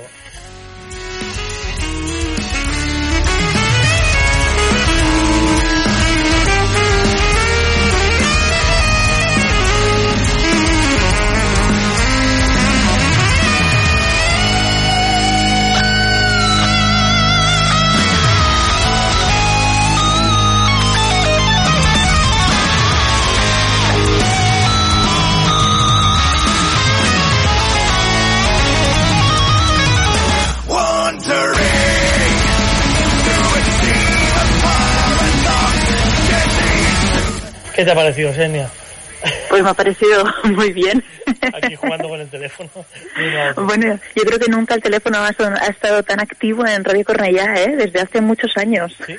Desde luego. Desde luego, y, y yo con la excusa pues he ido metiendo aquí eh, Fractal Universe a saco a ver si alguno se va fijando en la música de fondo y llega a tiempo para verlos el próximo miércoles teloreando a Rey porque vale mucho la pena esta banda.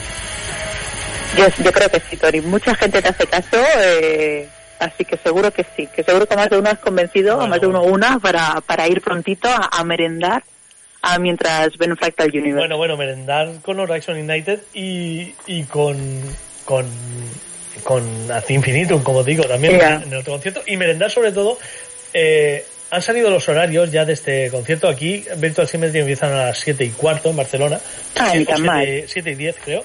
Pero es que en Madrid, que han juntado las, las giras, Brutal, han juntado las giras de, de Paradise Lost y Evergrey, abren puertas a las 4, un, un martes, es, mar, no, ¿qué día es?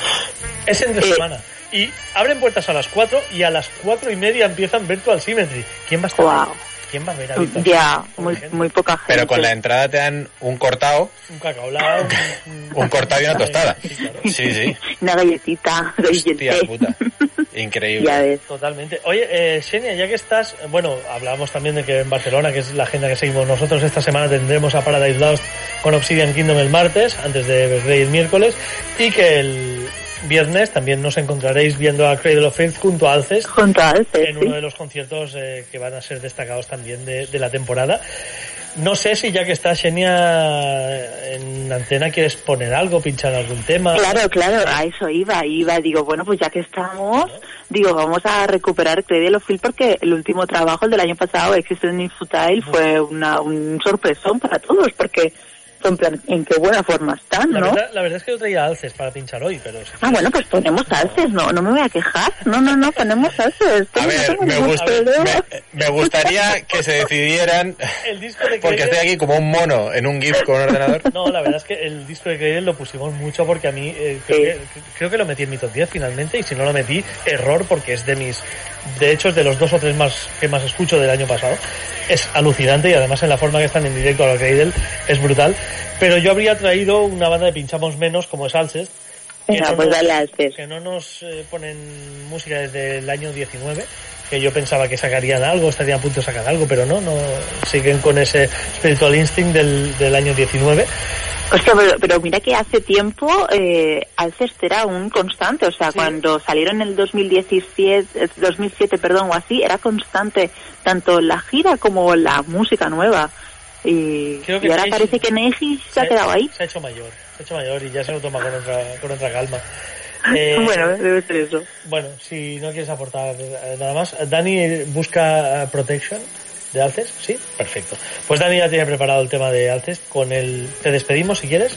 O, si, quieres, sí, sí. o si quieres quedarte, aquí estamos hasta... Bueno, yo, mira, estoy muy cómoda en el sofá de mi casa con mi pijamita y mi bata escuchando. Entonces prefiero escuchar a vosotros, sé que lo estáis haciendo muy bien y ya otro día ya pues nos peleamos por la música. Pijama de unicornios, espero, Xenia. Mm, No, hoy no, hoy no, hoy voy seria, hoy no voy de unicornios. Bueno, bueno. Bueno, pues muchas no hace gracias. tanto frío. Muchas gracias, Xenia, por haber eh, A interpretado la señal de Radio Cornellá para controlarnos y ver que estamos aquí al pie del cañón. Y nada, nos quedamos con Alces, que telonearán a Credo Field junto con Naraka, una banda que desconozco absolutamente y que siempre va bien llevarse una sorpresa en directo, a veces buena, a veces no. Como digo, Naraka abri- abrirán el show que cerrará Credo Field y que tienen como invitados a Alces. Escuchamos desde Spiritual Instinct del año 19, Protection.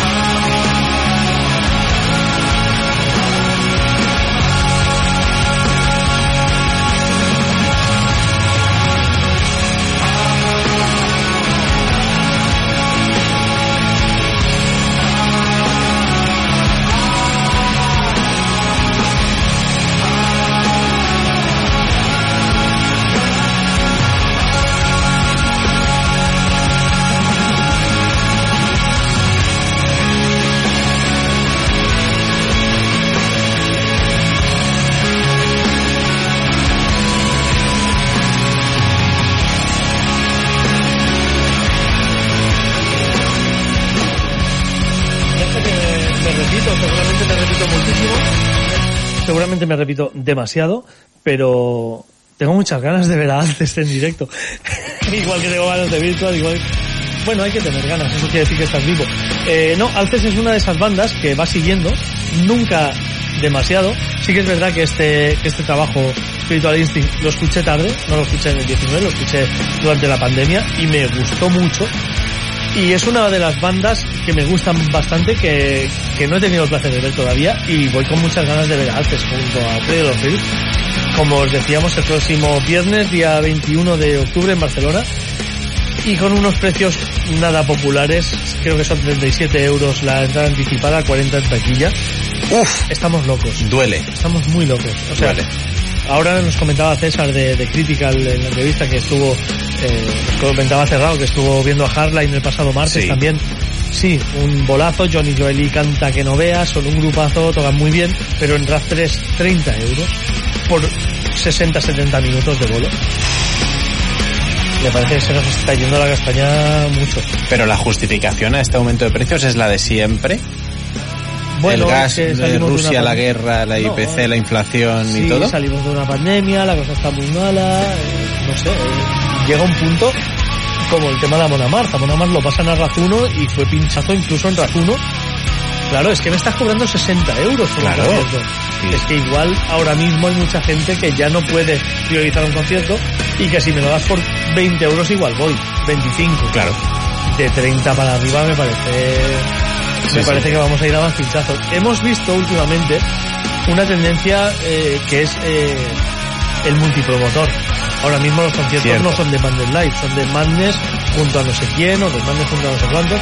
Se juntan varias, varias promotoras o varias eh, organizaciones y supongo que es una de las maneras, pero claro, que todas esas promotoras, organizaciones o que toda la gente involucrada tenga que pegar su pellizco de esa entrada, no sé si es eso lo que hace que se encarezca tanto el producto. No creo que se haya encarecido tanto las salas como para, para, para llegar a estos precios. No creo que los cachets de las bandas hayan subido tantísimo, porque las bandas llevan tiempo sin tocar y necesitan tocar. Correcto. Entonces no sé a qué se debe esta, esta burrada de precios a la que nos enfrentamos últimamente. Yo si le meto esa subida, la misma subida en porcentaje a, a lo que cobro en mi trabajo, eh, me voy a tomar por saco. A tomar por saco. Lo tengo clarísimo. Y, y aguantando lo que me, me han subido a mí todo, evidentemente, Claro, claro, como claro. autónomo, ¿eh? Claro, tú tienes que repercutir la subida, pero Pero no lo hago. Pero y si lo haces en- es en- hasta cierto Claro. punto, porque la gente, sabes que, que tiene un, bueno, tienes un presupuesto y la cosa está como está. Exacto. Y finalmente, bueno, también es, es la eterna discusión. ¿Prefieres tener a 10 por 20 o a 20 por, 5, por 10? Exacto.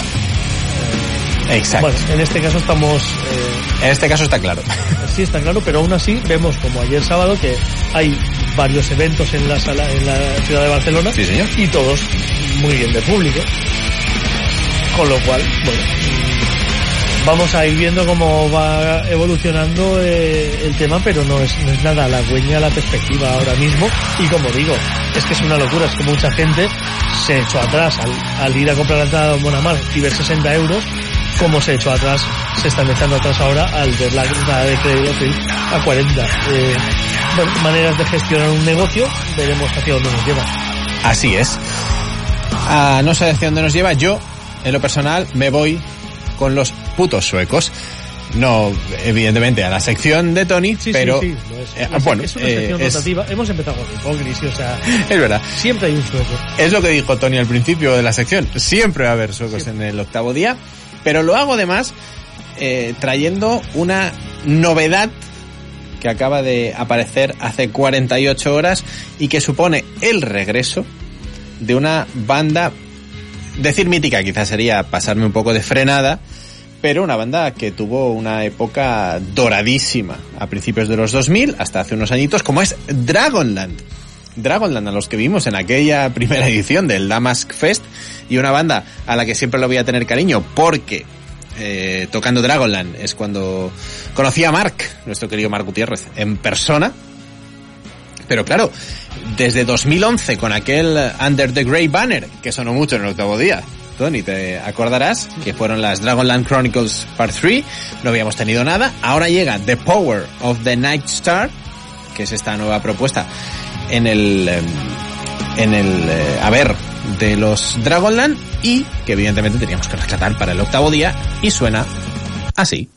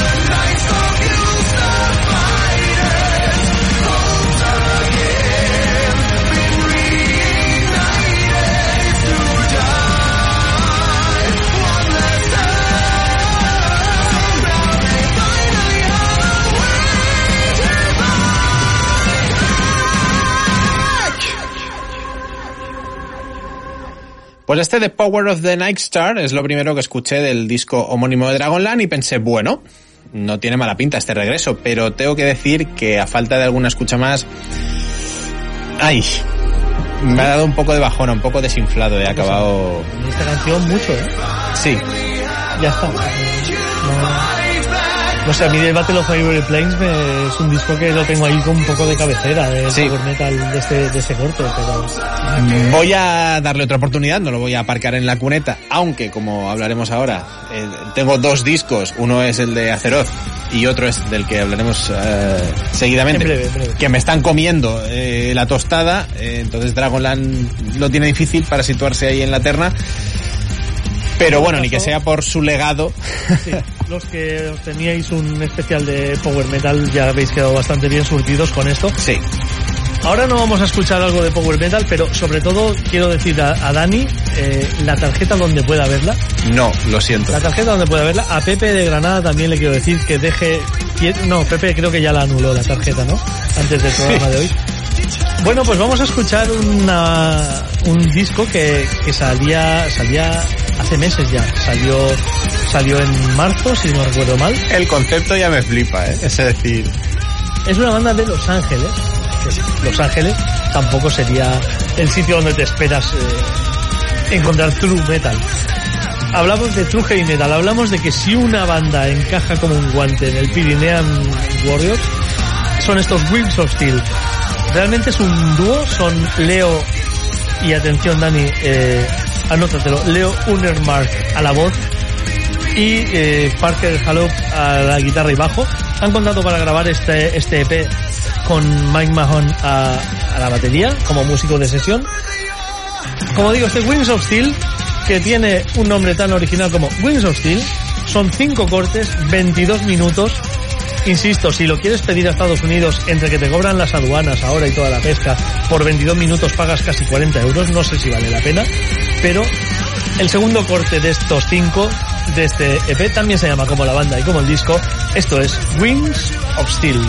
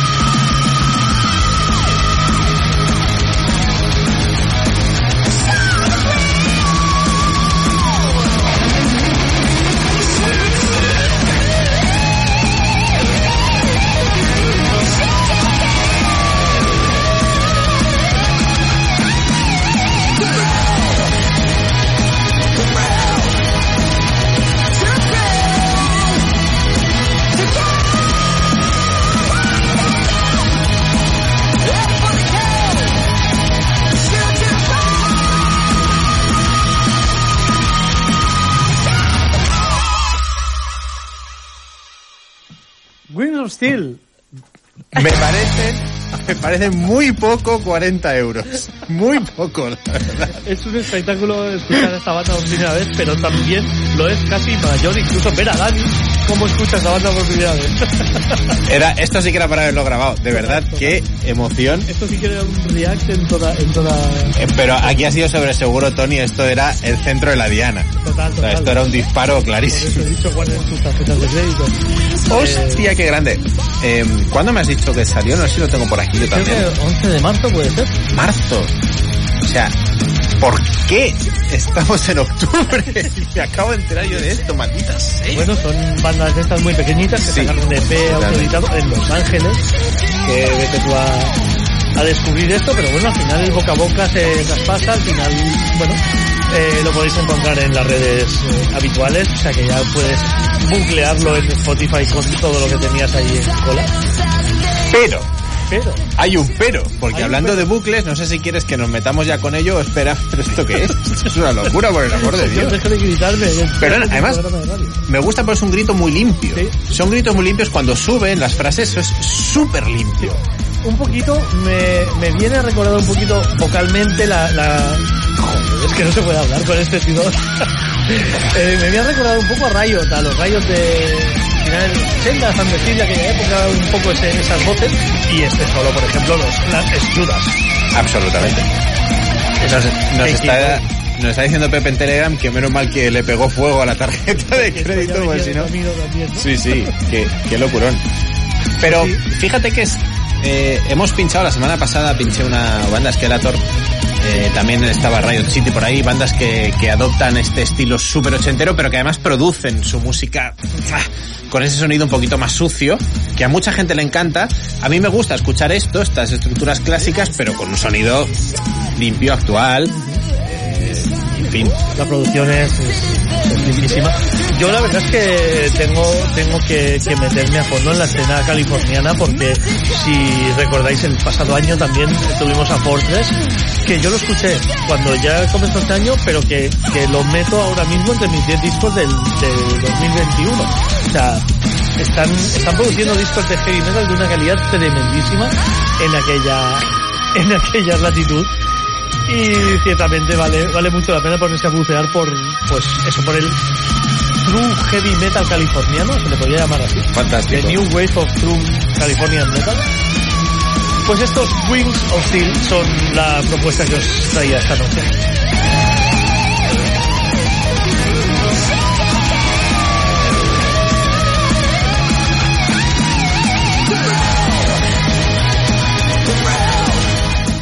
Tenemos, tenemos a Kiko Belinchora, nuestro técnico, Sí. aquí en Radio Cornea, que está ahora mismo en, en otra sala.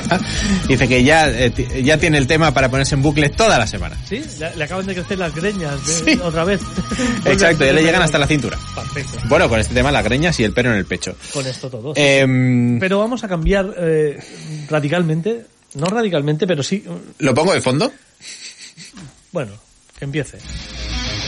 Que empiece otra vez Wings Steel, no Dani, por favor. Vale.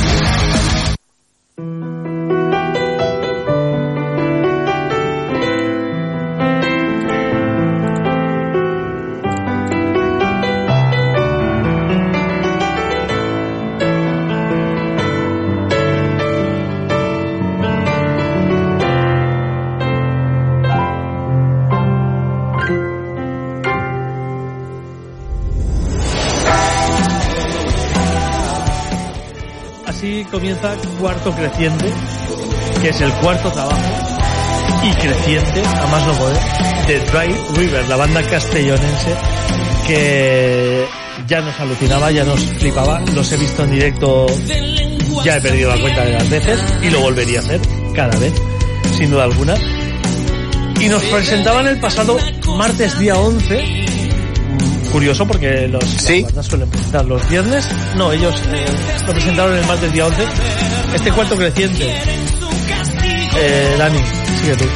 Eh, Yo ya no sé qué más decir. No, yo, yo tampoco. A mí me han hecho un favor eh, estrenándolo el día 11 porque he tenido dos días de margen eh, antes de la avalancha de novedades. Correcto. Y le decía, te decía Tony, ahora micro cerrado, que me hacía tiempo que no me pasaba esto de acabar un disco e inmediatamente volverlo a empezar me ha maravillado. Ah, Ahora si quieres lo comentas, lo, que hemos hablado, porque a ti no te entró quizá. De primeras, yo venía ven- vencido, derrotado antes de, escucharlo. Y ya empezando directamente con este culpable, eh, tuve una sensación ya de, no sé, de abrazo, por así decirlo, de, de- de abrazo artístico. Y tema a tema me fui eh, arrodillando más y más y más. Y, en fin, no, no he tenido más que halagos A mí me para el pasó, disco Dani, del corazón. eso que pasa tantas veces, que esperas con tantas ganas Claro. algo que tiene que ser tan bueno, que las primeras escuchas dices, a ver, ¿por dónde cojo esto? Claro. Y de hecho, algunos de los temas no llegué ni ni a entenderlos porque sí sí es cierto que es un disco que estructuralmente no dista tanto de los anteriores, no dista tanto de 2038 porque igual que aquel acababa con la música otra parte, este acaba con despedida, que es un tema así, este caso más épico, aquel era más rock and rollero, más festivo. Empieza con un par de temas así potentes, muy singles, como empezaban con Perdiendo el Norte y Fundido a Negro. Sí, señor. Aquí empiezan con este culpable y con Segundo Intento, que son dos temas, bueno, absolutamente singles, es que es así. De hecho, Segundo Intento aún no lo ha sido, pero yo creo que lo acaban haciendo con unos teclados a lo Van Halen casi increíbles. Destacar muchísimo en este disco, esto que estamos escuchando ahora de fondo, el trabajo de, bueno, el trabajo de todos como músicos es escandaloso, pero partíamos de, de un relevo en la guitarra, la guitarra guitarra y teclado que, que usaba, que ponía Carlos Álvarez y que era uno de los máximos compositores de la banda, se fue y ficharon a Guillermo Guerrero. No había dudas con el, con el, la técnica y el, y el, bueno, el- a nivel de instrumentista eh, sobre Guillermo, pero es cierto que no solo ha encajado como un guante, sino que creo que de lo mejor de este disco son los solos. Los solos de guitarra son alucinantes. Estratosférico, Este que- estratosférico. Este que estamos escuchando es, es es increíble de culpable, pero cualquier tema al azar que pongas, te pones en el solo y es increíble. Un trabajo de guitarras tremendo.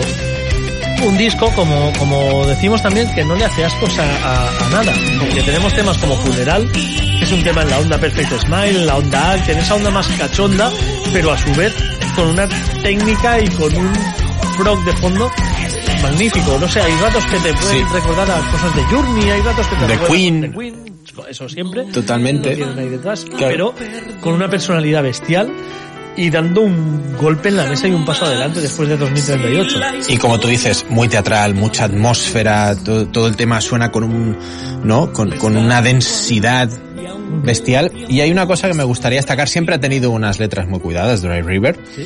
Pero me gustan mucho los temas que en, en muy poquito, en cuatro o cinco minutos, te cuentan una historia. Te la cuentan a ti. Como si fuera un narrador. Hay, hay alguna parte narrada, pero te cuentan la historia de principio a fin. Me encanta y para mí en este disco el nivel de sus letras ha, ha seguido subiendo. Ya teníamos algunos ejemplos absolutamente bestiales. Recordaréis del anterior disco aquel Me va a faltar el aire, que era eh, como el epítome ¿no? del, del tema de Dry River. Pero aquí, desde culpable, bueno, hay, hay muchas más. Y no sé si la que vamos a elegir La balada que en este caso toma el testigo de Me va a faltar el aire, aquella canción yo creo que es insuperable. Entonces, eh, la primera vez que escuché Si estás tú, que es la balada de este disco, fue, para mí, lo, lo debo decir, debo reconocerlo, fue un poco bajón. Ya sabía que no iban a llegar a Me va a faltar el aire, pero es que también es diferente. Es un, es un rango diferente, es más bluesy, es una balada más bluesy. Pero es que a la segunda o tercera escucha te acabas enamorando de, de si estás tú también una letra que te pega fuerte. Sí, señor. Que te la puedes incorporar a tu propia vivencia y demás. Y que... Ese es el tema. Sí, sí, sí. Te hablan a ti y Sí. estás tú protagonizando la historia. Eso es. ¿Qué, de- qué decir? Hay que, ese teclado de Van Halen que escuchamos ahora en segundo intento es otra de las canciones, como digo, esto es un single clarísimo. Esto es que veo a todo el mundo coreando el estribillo este en un directo. Destacar muchísimo porque hemos destacado la instrumentación, las guitarras que son increíbles, pero cómo canta Ángel.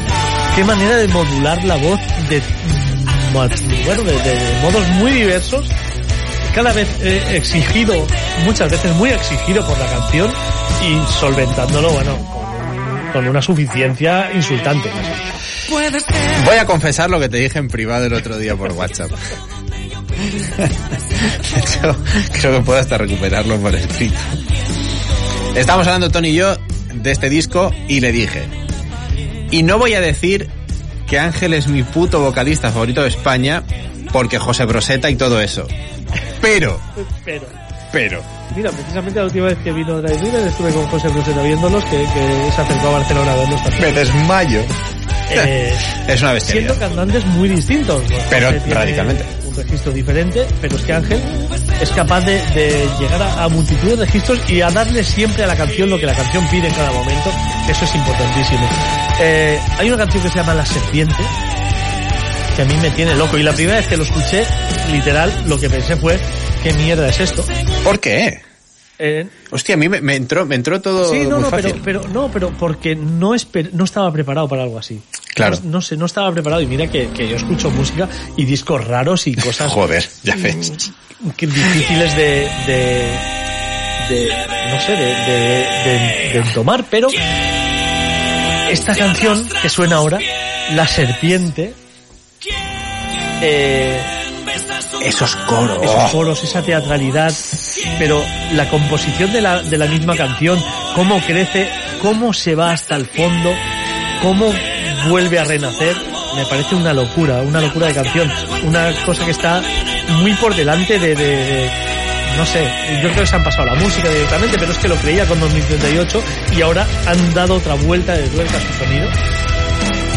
Eh, Es que, es que, o sea, me, me parece inenarrable este disco. Sí.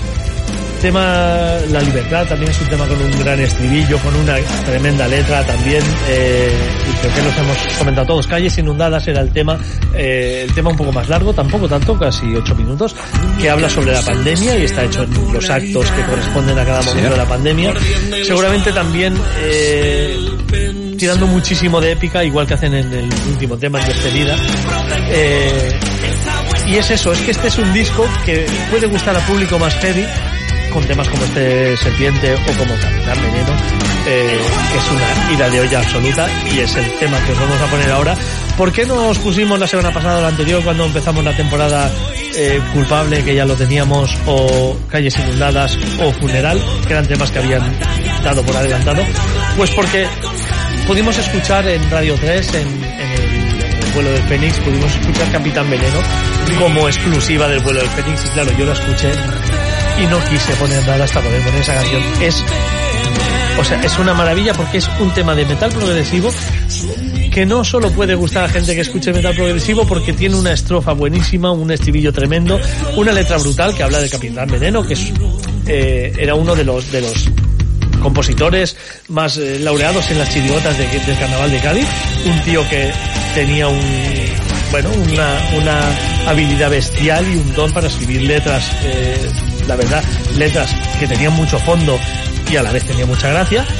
Este Capitán Veneno falleció y David River le hacen un homenaje en este, en este disco con ese tema. Falleció joven, es eh, Juan Carlos Aragón, Sí. filósofo, profesor y poeta, eh, gaditano, soy de familia gaditana y bueno, es un personaje conocido en el folclore. Así que me alegra mucho que le hayan hecho esta canción. Verdad. Este cambio que escuchamos ahora de fondo de las serpientes, que este tema, este tema es grandísimo y crece y crece. Pero como decíamos, Capitán Veneno, que además es la que os vamos a poner a continuación, y que a mí personalmente, y luego lo, lo comentamos, a mí en la parte del solo de Capitán Veneno, yo necesito asistencia médica. Os dejamos con Capitán Veneno, Roy River.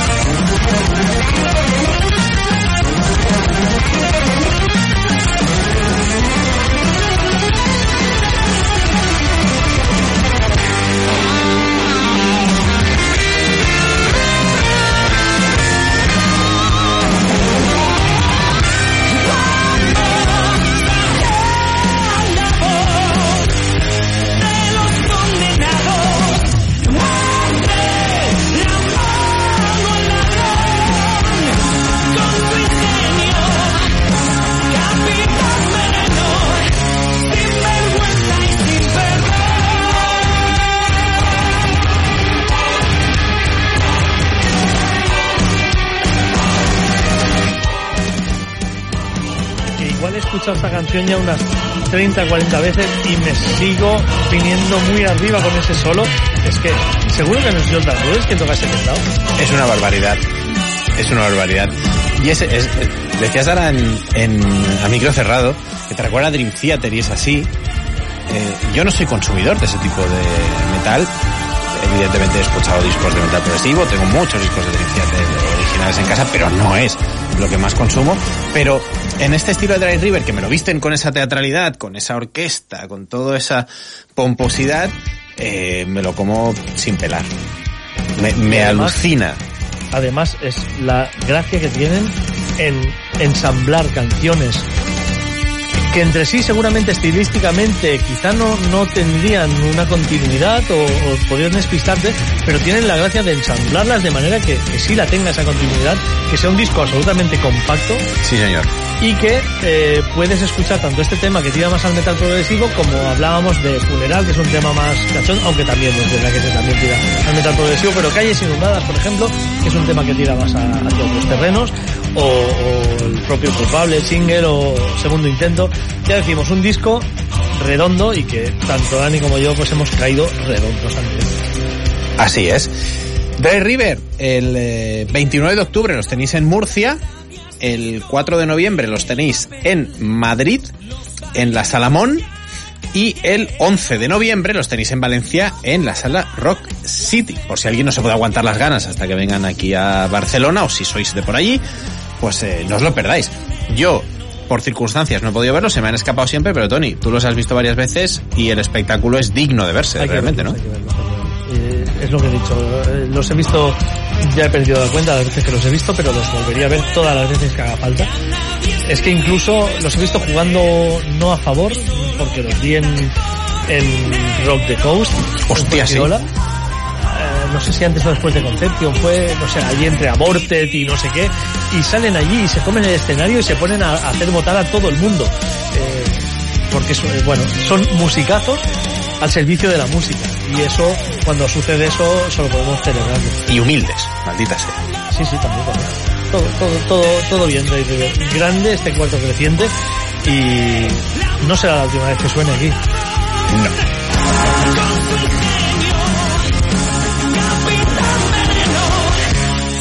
¿Hacia dónde tiramos ahora, Dani? ¿Yo mismo? Si quieres tirar, sí, porque si no yo iba a ir muy por el mismo camino que hemos estado antes y ya cierro yo con el con otra hostia a la tarjeta. Pues me voy a ir con, si te parece bien, con otra mm, eh, novedad.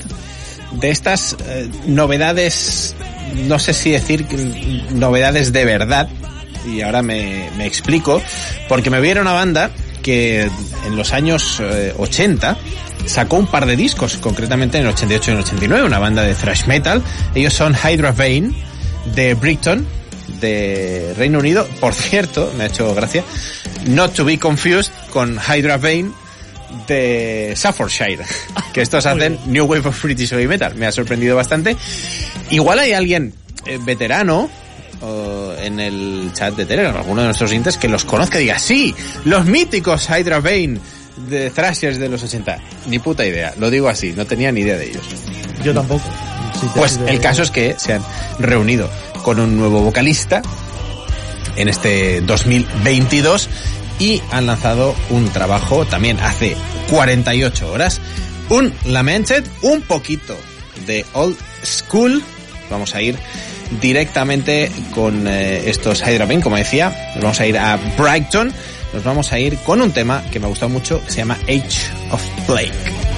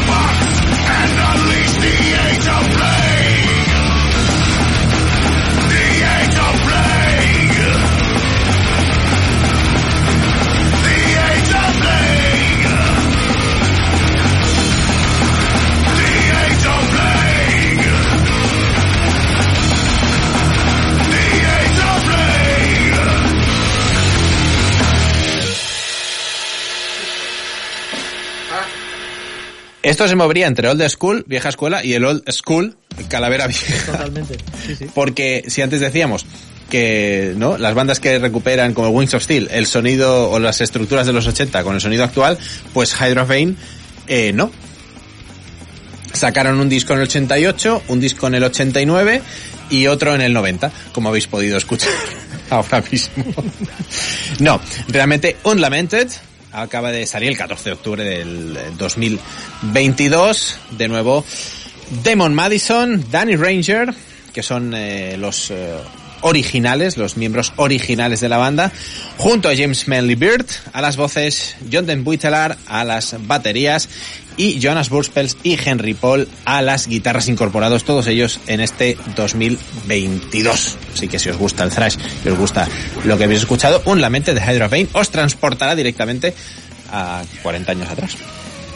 Y aunque hemos tenido por teléfono a Alfonso, pues también está bien cumplir su cuota. Exacto. No hemos cubierto tanto, no hemos cubierto tanto la cuota de Inma, ¿verdad? No hemos puesto hard rock. Y hay que decir que yo traía dos o tres temas que encajaban perfectamente en, en Inma, por así decirlo.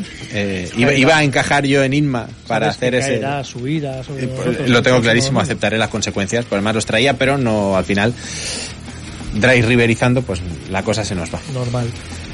Pues eh, me estamos llegando al final y, y yo no quería dejarme en el tintero esto de lo que ya hablamos la pasada semana, de lo que se ha hablado también durante el, la co- el comentario de Wings of Steel. Sí, señor. Y es que este viernes pasado, este 14 de octubre, salía Electric Light, que es el segundo trabajo, segundo larga duración de los canadienses Riot City.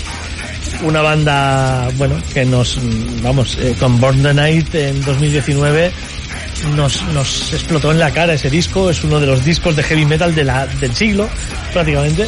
Eh, de lo mejorcito que, que habíamos oído en, en este estilo. Sí, señor. Y claro, unas ganas brutales de escuchar el, el segundo disco. Ya lo hemos podido hacer, como decimos, este Electric Light. Por eso agradecíamos a Ray River haber sacado disco el martes, porque teníamos mucho Claro. trabajo el viernes con el de Skid Row, con este mismo de, de Riot City y, y más discos que, que teníamos ahí pendientes, como el de Marco Estera también, que hemos puesto antes. Exacto. En definitiva, Riot City tiene un nuevo disco, se llama Electric Light, y desde él nos vamos a quedar con el segundo corte, que es eh, Beyond the Stars, que si quieres ya lo pincho yo, Dani, vamos a ver Ah, si... vale, sí, lo sí. tenía listo. ¿Ya? Bueno, pues te lo subo desde...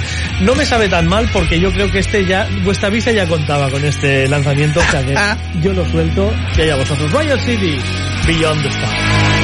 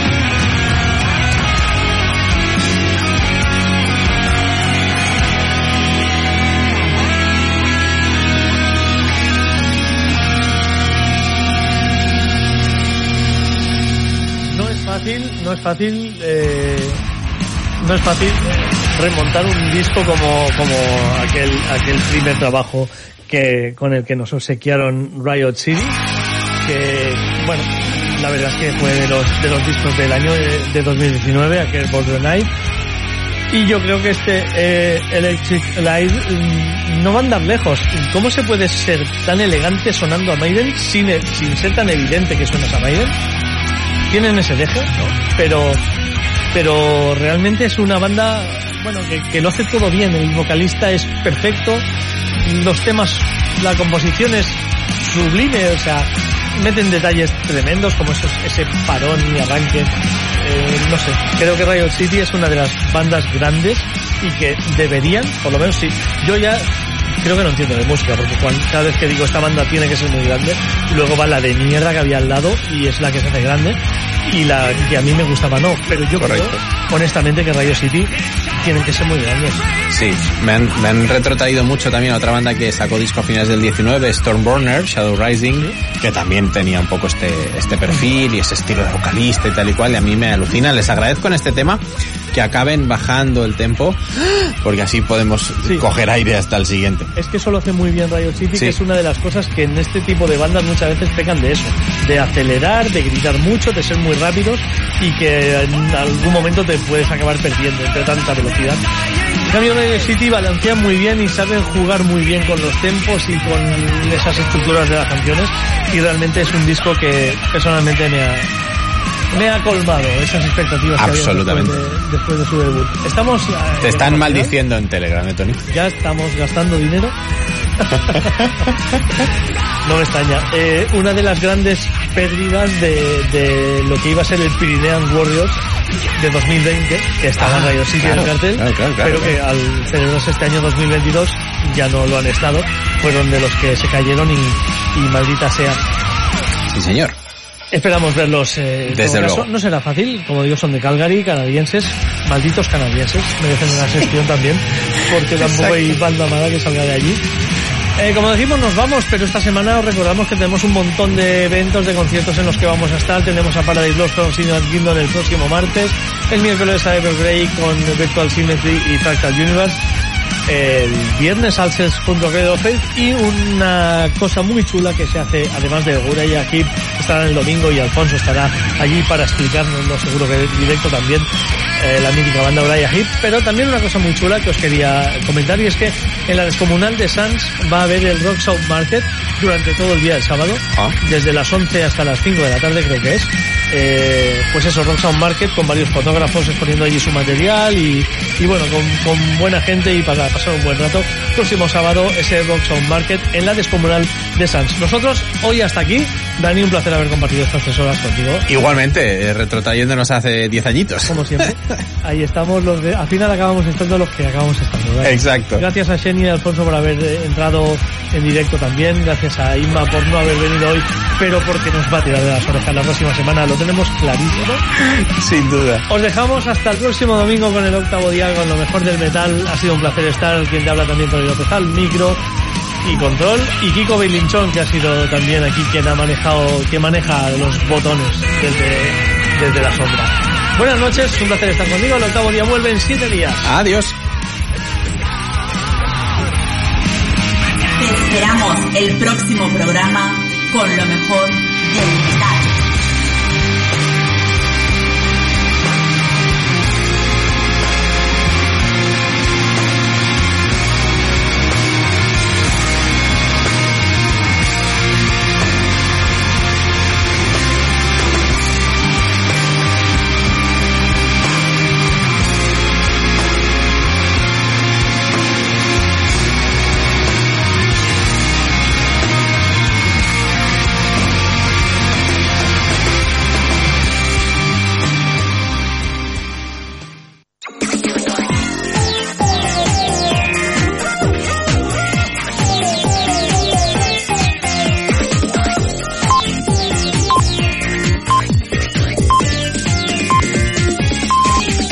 Són les 12.